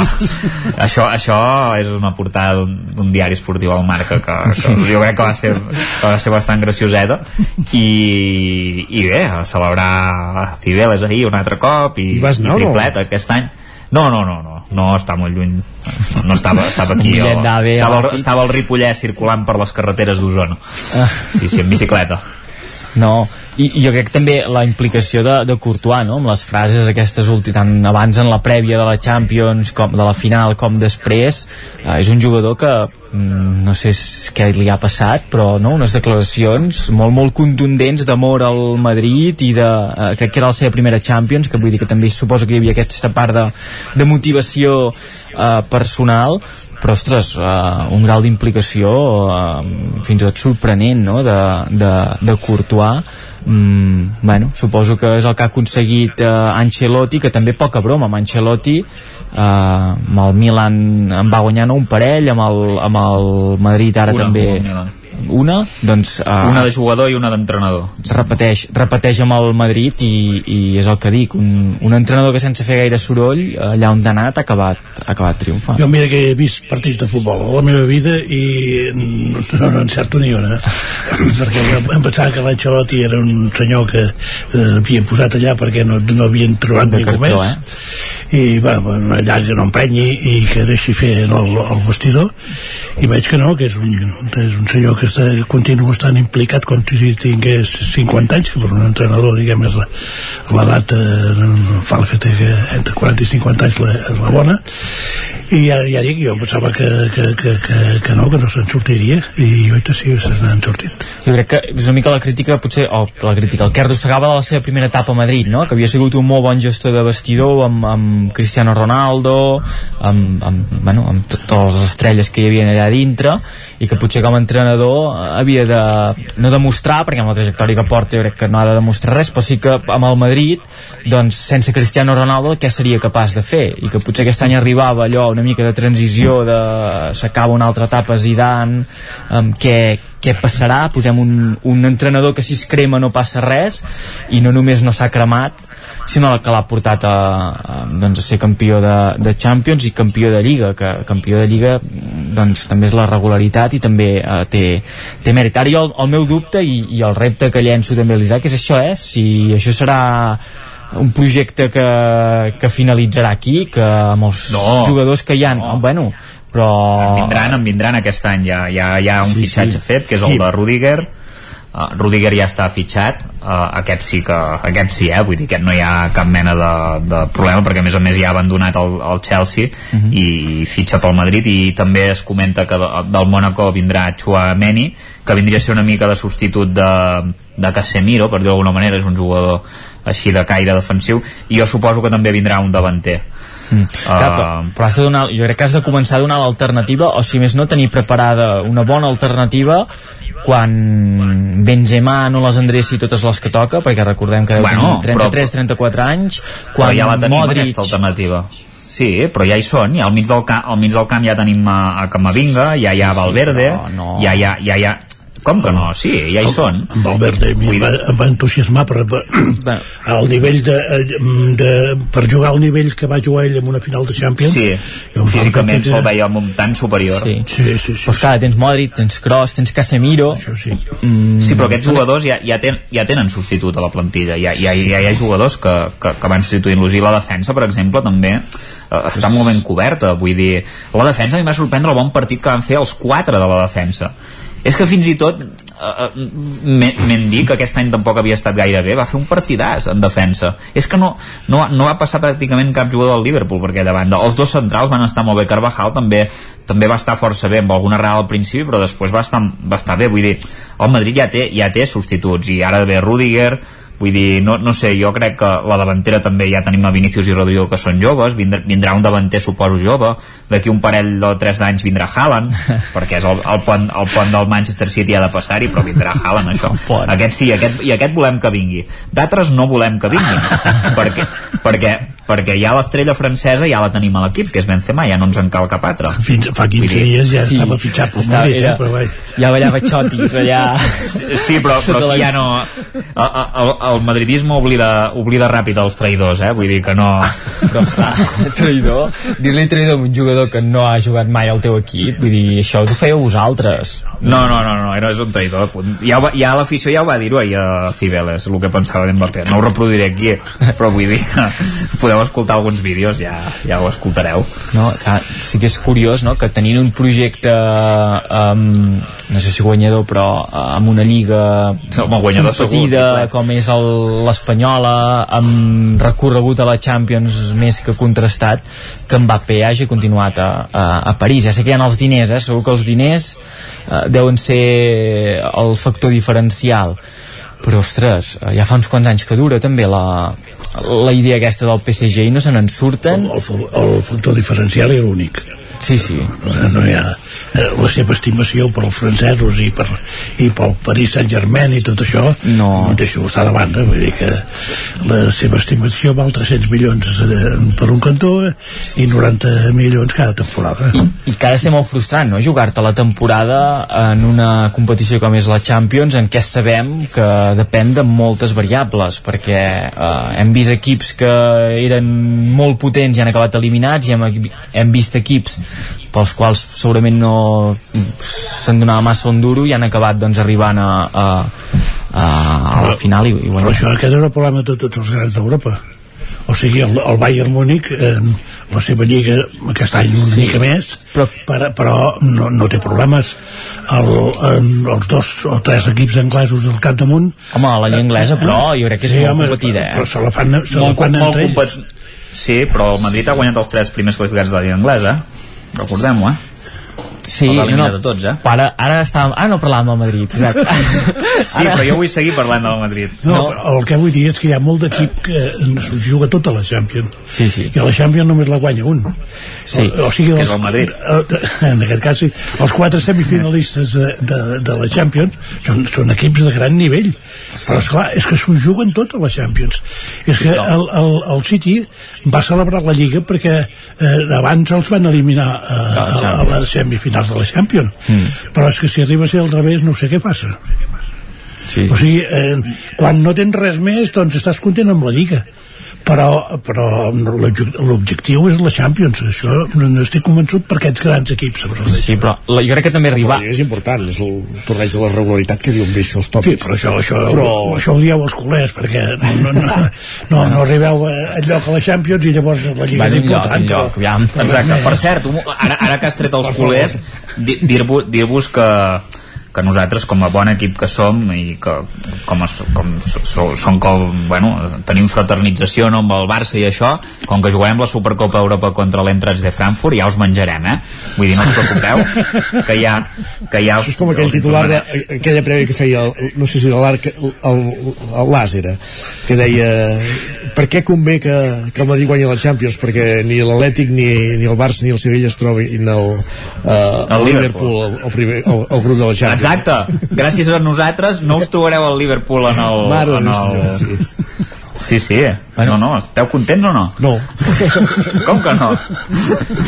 No, bueno, el Barça ja eh, ja fa unes setmanes que està en xip temporada mm, següent, des que va haver l'alimentació de la, de la UEFA. Jugant a Austràlia i aquests Sí, a Austràlia sí. i fer una mica de, de calarons per, per mirar de, de quadrar els números i ara ja pensar en la, la temporada que ve, que hi ha molts fronts oberts i, i el Barça sí que ha de, de no sé si fer, no fer, fer foc nou perquè l'esquelet sí que, que el té però engegar un projecte um, il·lusionador. Jo diria que l'any que ve encara no serà any d'esperar grans resultats ni en Champions segur que no. En la Lliga jo crec que s'ha de competir per, per guanyar la, la Lliga i, i a veure amb quin, quin equip es pot fer. ho veus que més, més fàcil guanyar la Lliga que la Champions?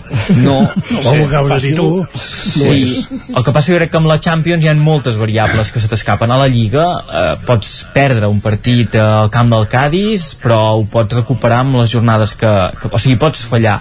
A la Champions no pots fallar. I si tu repasses la majoria de Champions de tots els clubs hi han moments en què de l'èxit al fracàs eh, és que ha anat de, de res d'una no sé, d'un... Explica'ls a Paris Saint-Germain i al Manchester per City. Això, per això és el que et dic, que això en altres sí. temporades potser cau de l'altre cantó, la centrada aquella que fa, no sé qui és del Madrid eh, cap a l'àrea, que suposa l'empat doncs no, hagués tocat una cama.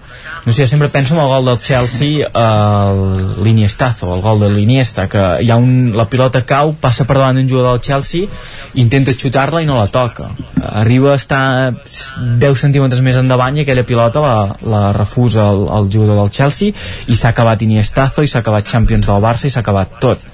Vull dir, hi ha aquest factor de sort que aquest any al Madrid mmm, bueno, l'ha tingut bastant bueno, veure, bastant del seu partits, cantó. Clar, és que els partits duren 96 minuts sí, uh, si, o, o, o 99 si, però per exemple per, 99, això no els partits de l'Espanyol per generació d'ocasions a la final el descans es podia haver arribat amb un resultat favorable al, al Liverpool. Sí, o, o favorable al Madrid si no ens Bueno. anulen un gol Bueno, legal aquell gol va estar revisat pel VAR i, i va ser anul·lat. O el dia I va- del, del va- City, jo crec que el, minuts el partit del. City amb, amb les quatre parts que podríem dividir els dos, dos partits d'anada i tornada uh, en totes el City podia haver acabat amb un resultat molt més uh, ampli del que tenia però Sí. això és futbol Però no va ficció ser així. no va ser així exacte Mm, bueno, la sort ha estat del seu costat no, no, no sabria què dir enhorabona sí. Gràcies, gràcies. No, no, jo, Ara jo, jo, no, digues, digues, Isaac jo també us feli... no, que jo també us felicito per als títols que guanyat aquest any, home.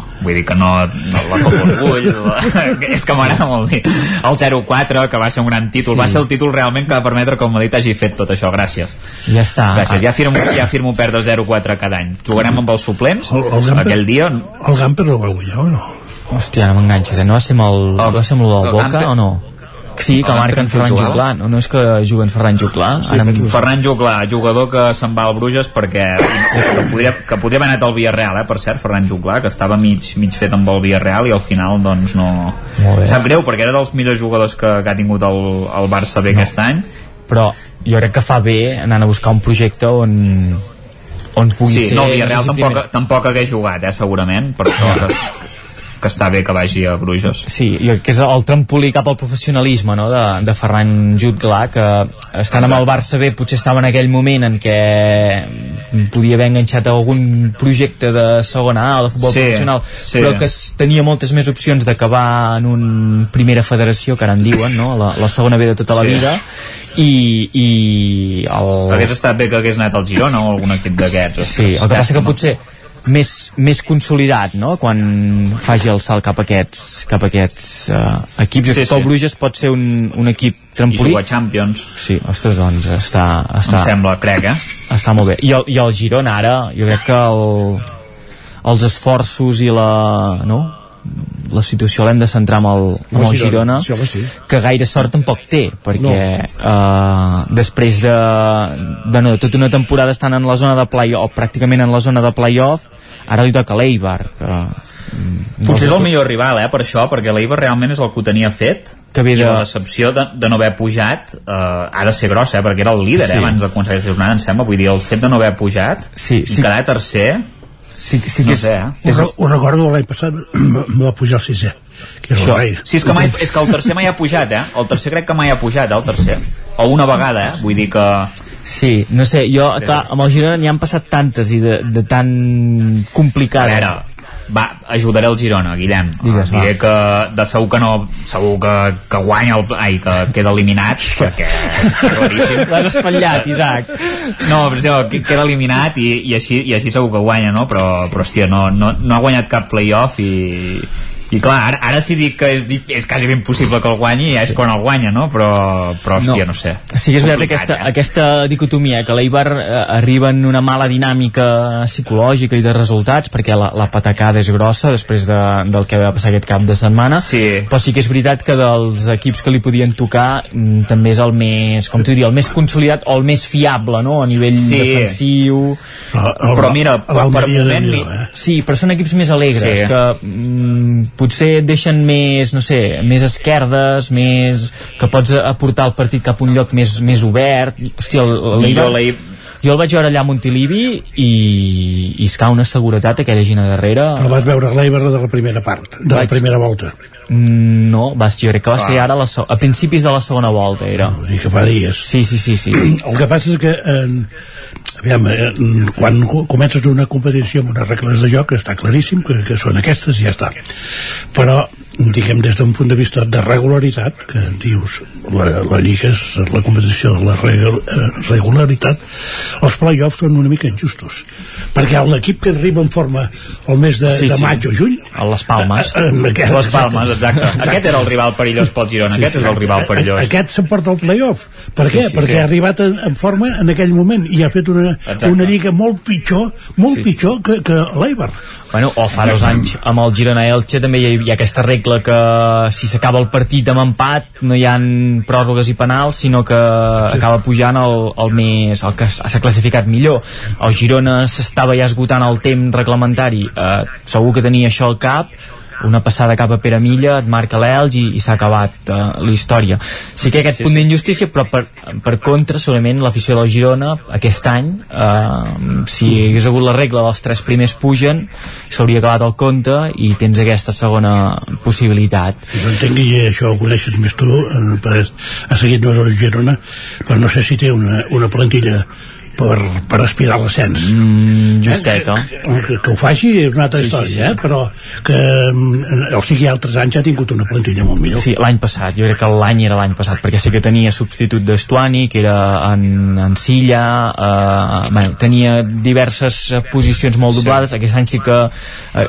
al mig del camp, la mitja punta sí que la té molt, molt doblada té jugadors interessants, aquest Àlex Baena que és cedit del Villarreal que és un molt bon jugador, jo crec que l'acabarem veient a, a nivell professional però en canvi el que havien de ser els segones espases en Darío Sarmiento, Pablo Moreno eh, no han acabat d'agafar el relleu i qui torna a marcar gols és el, el de. Però un punt positiu, el Girona, el Girona quants play-off ha jugat els últims anys?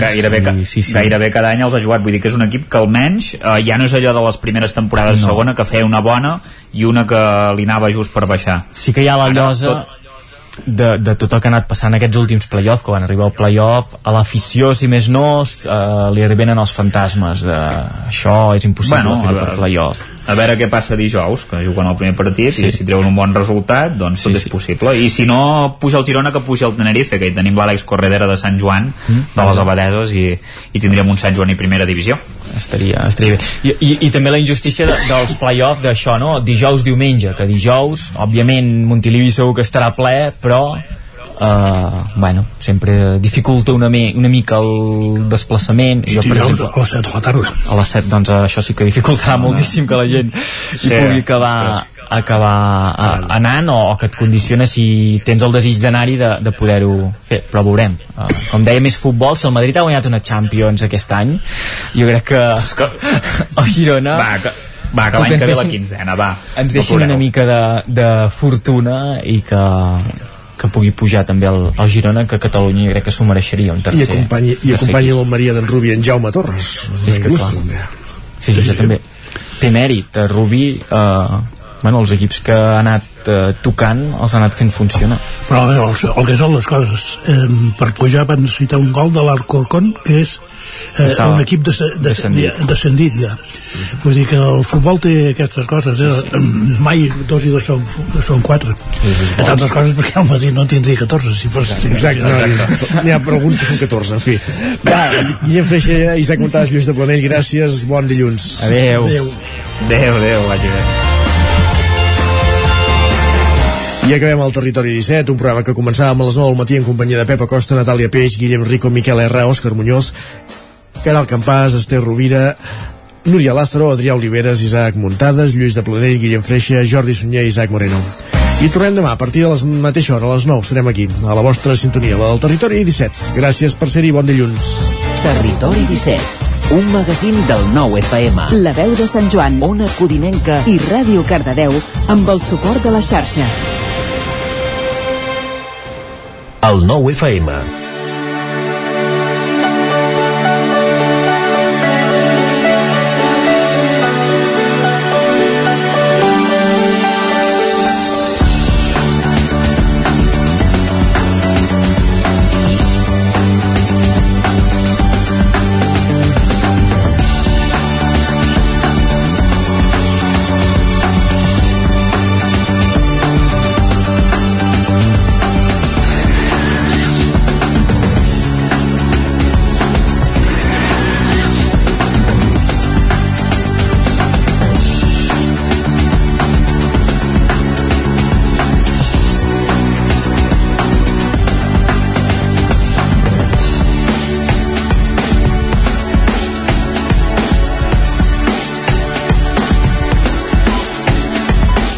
El nou FM, la ràdio d'Osona.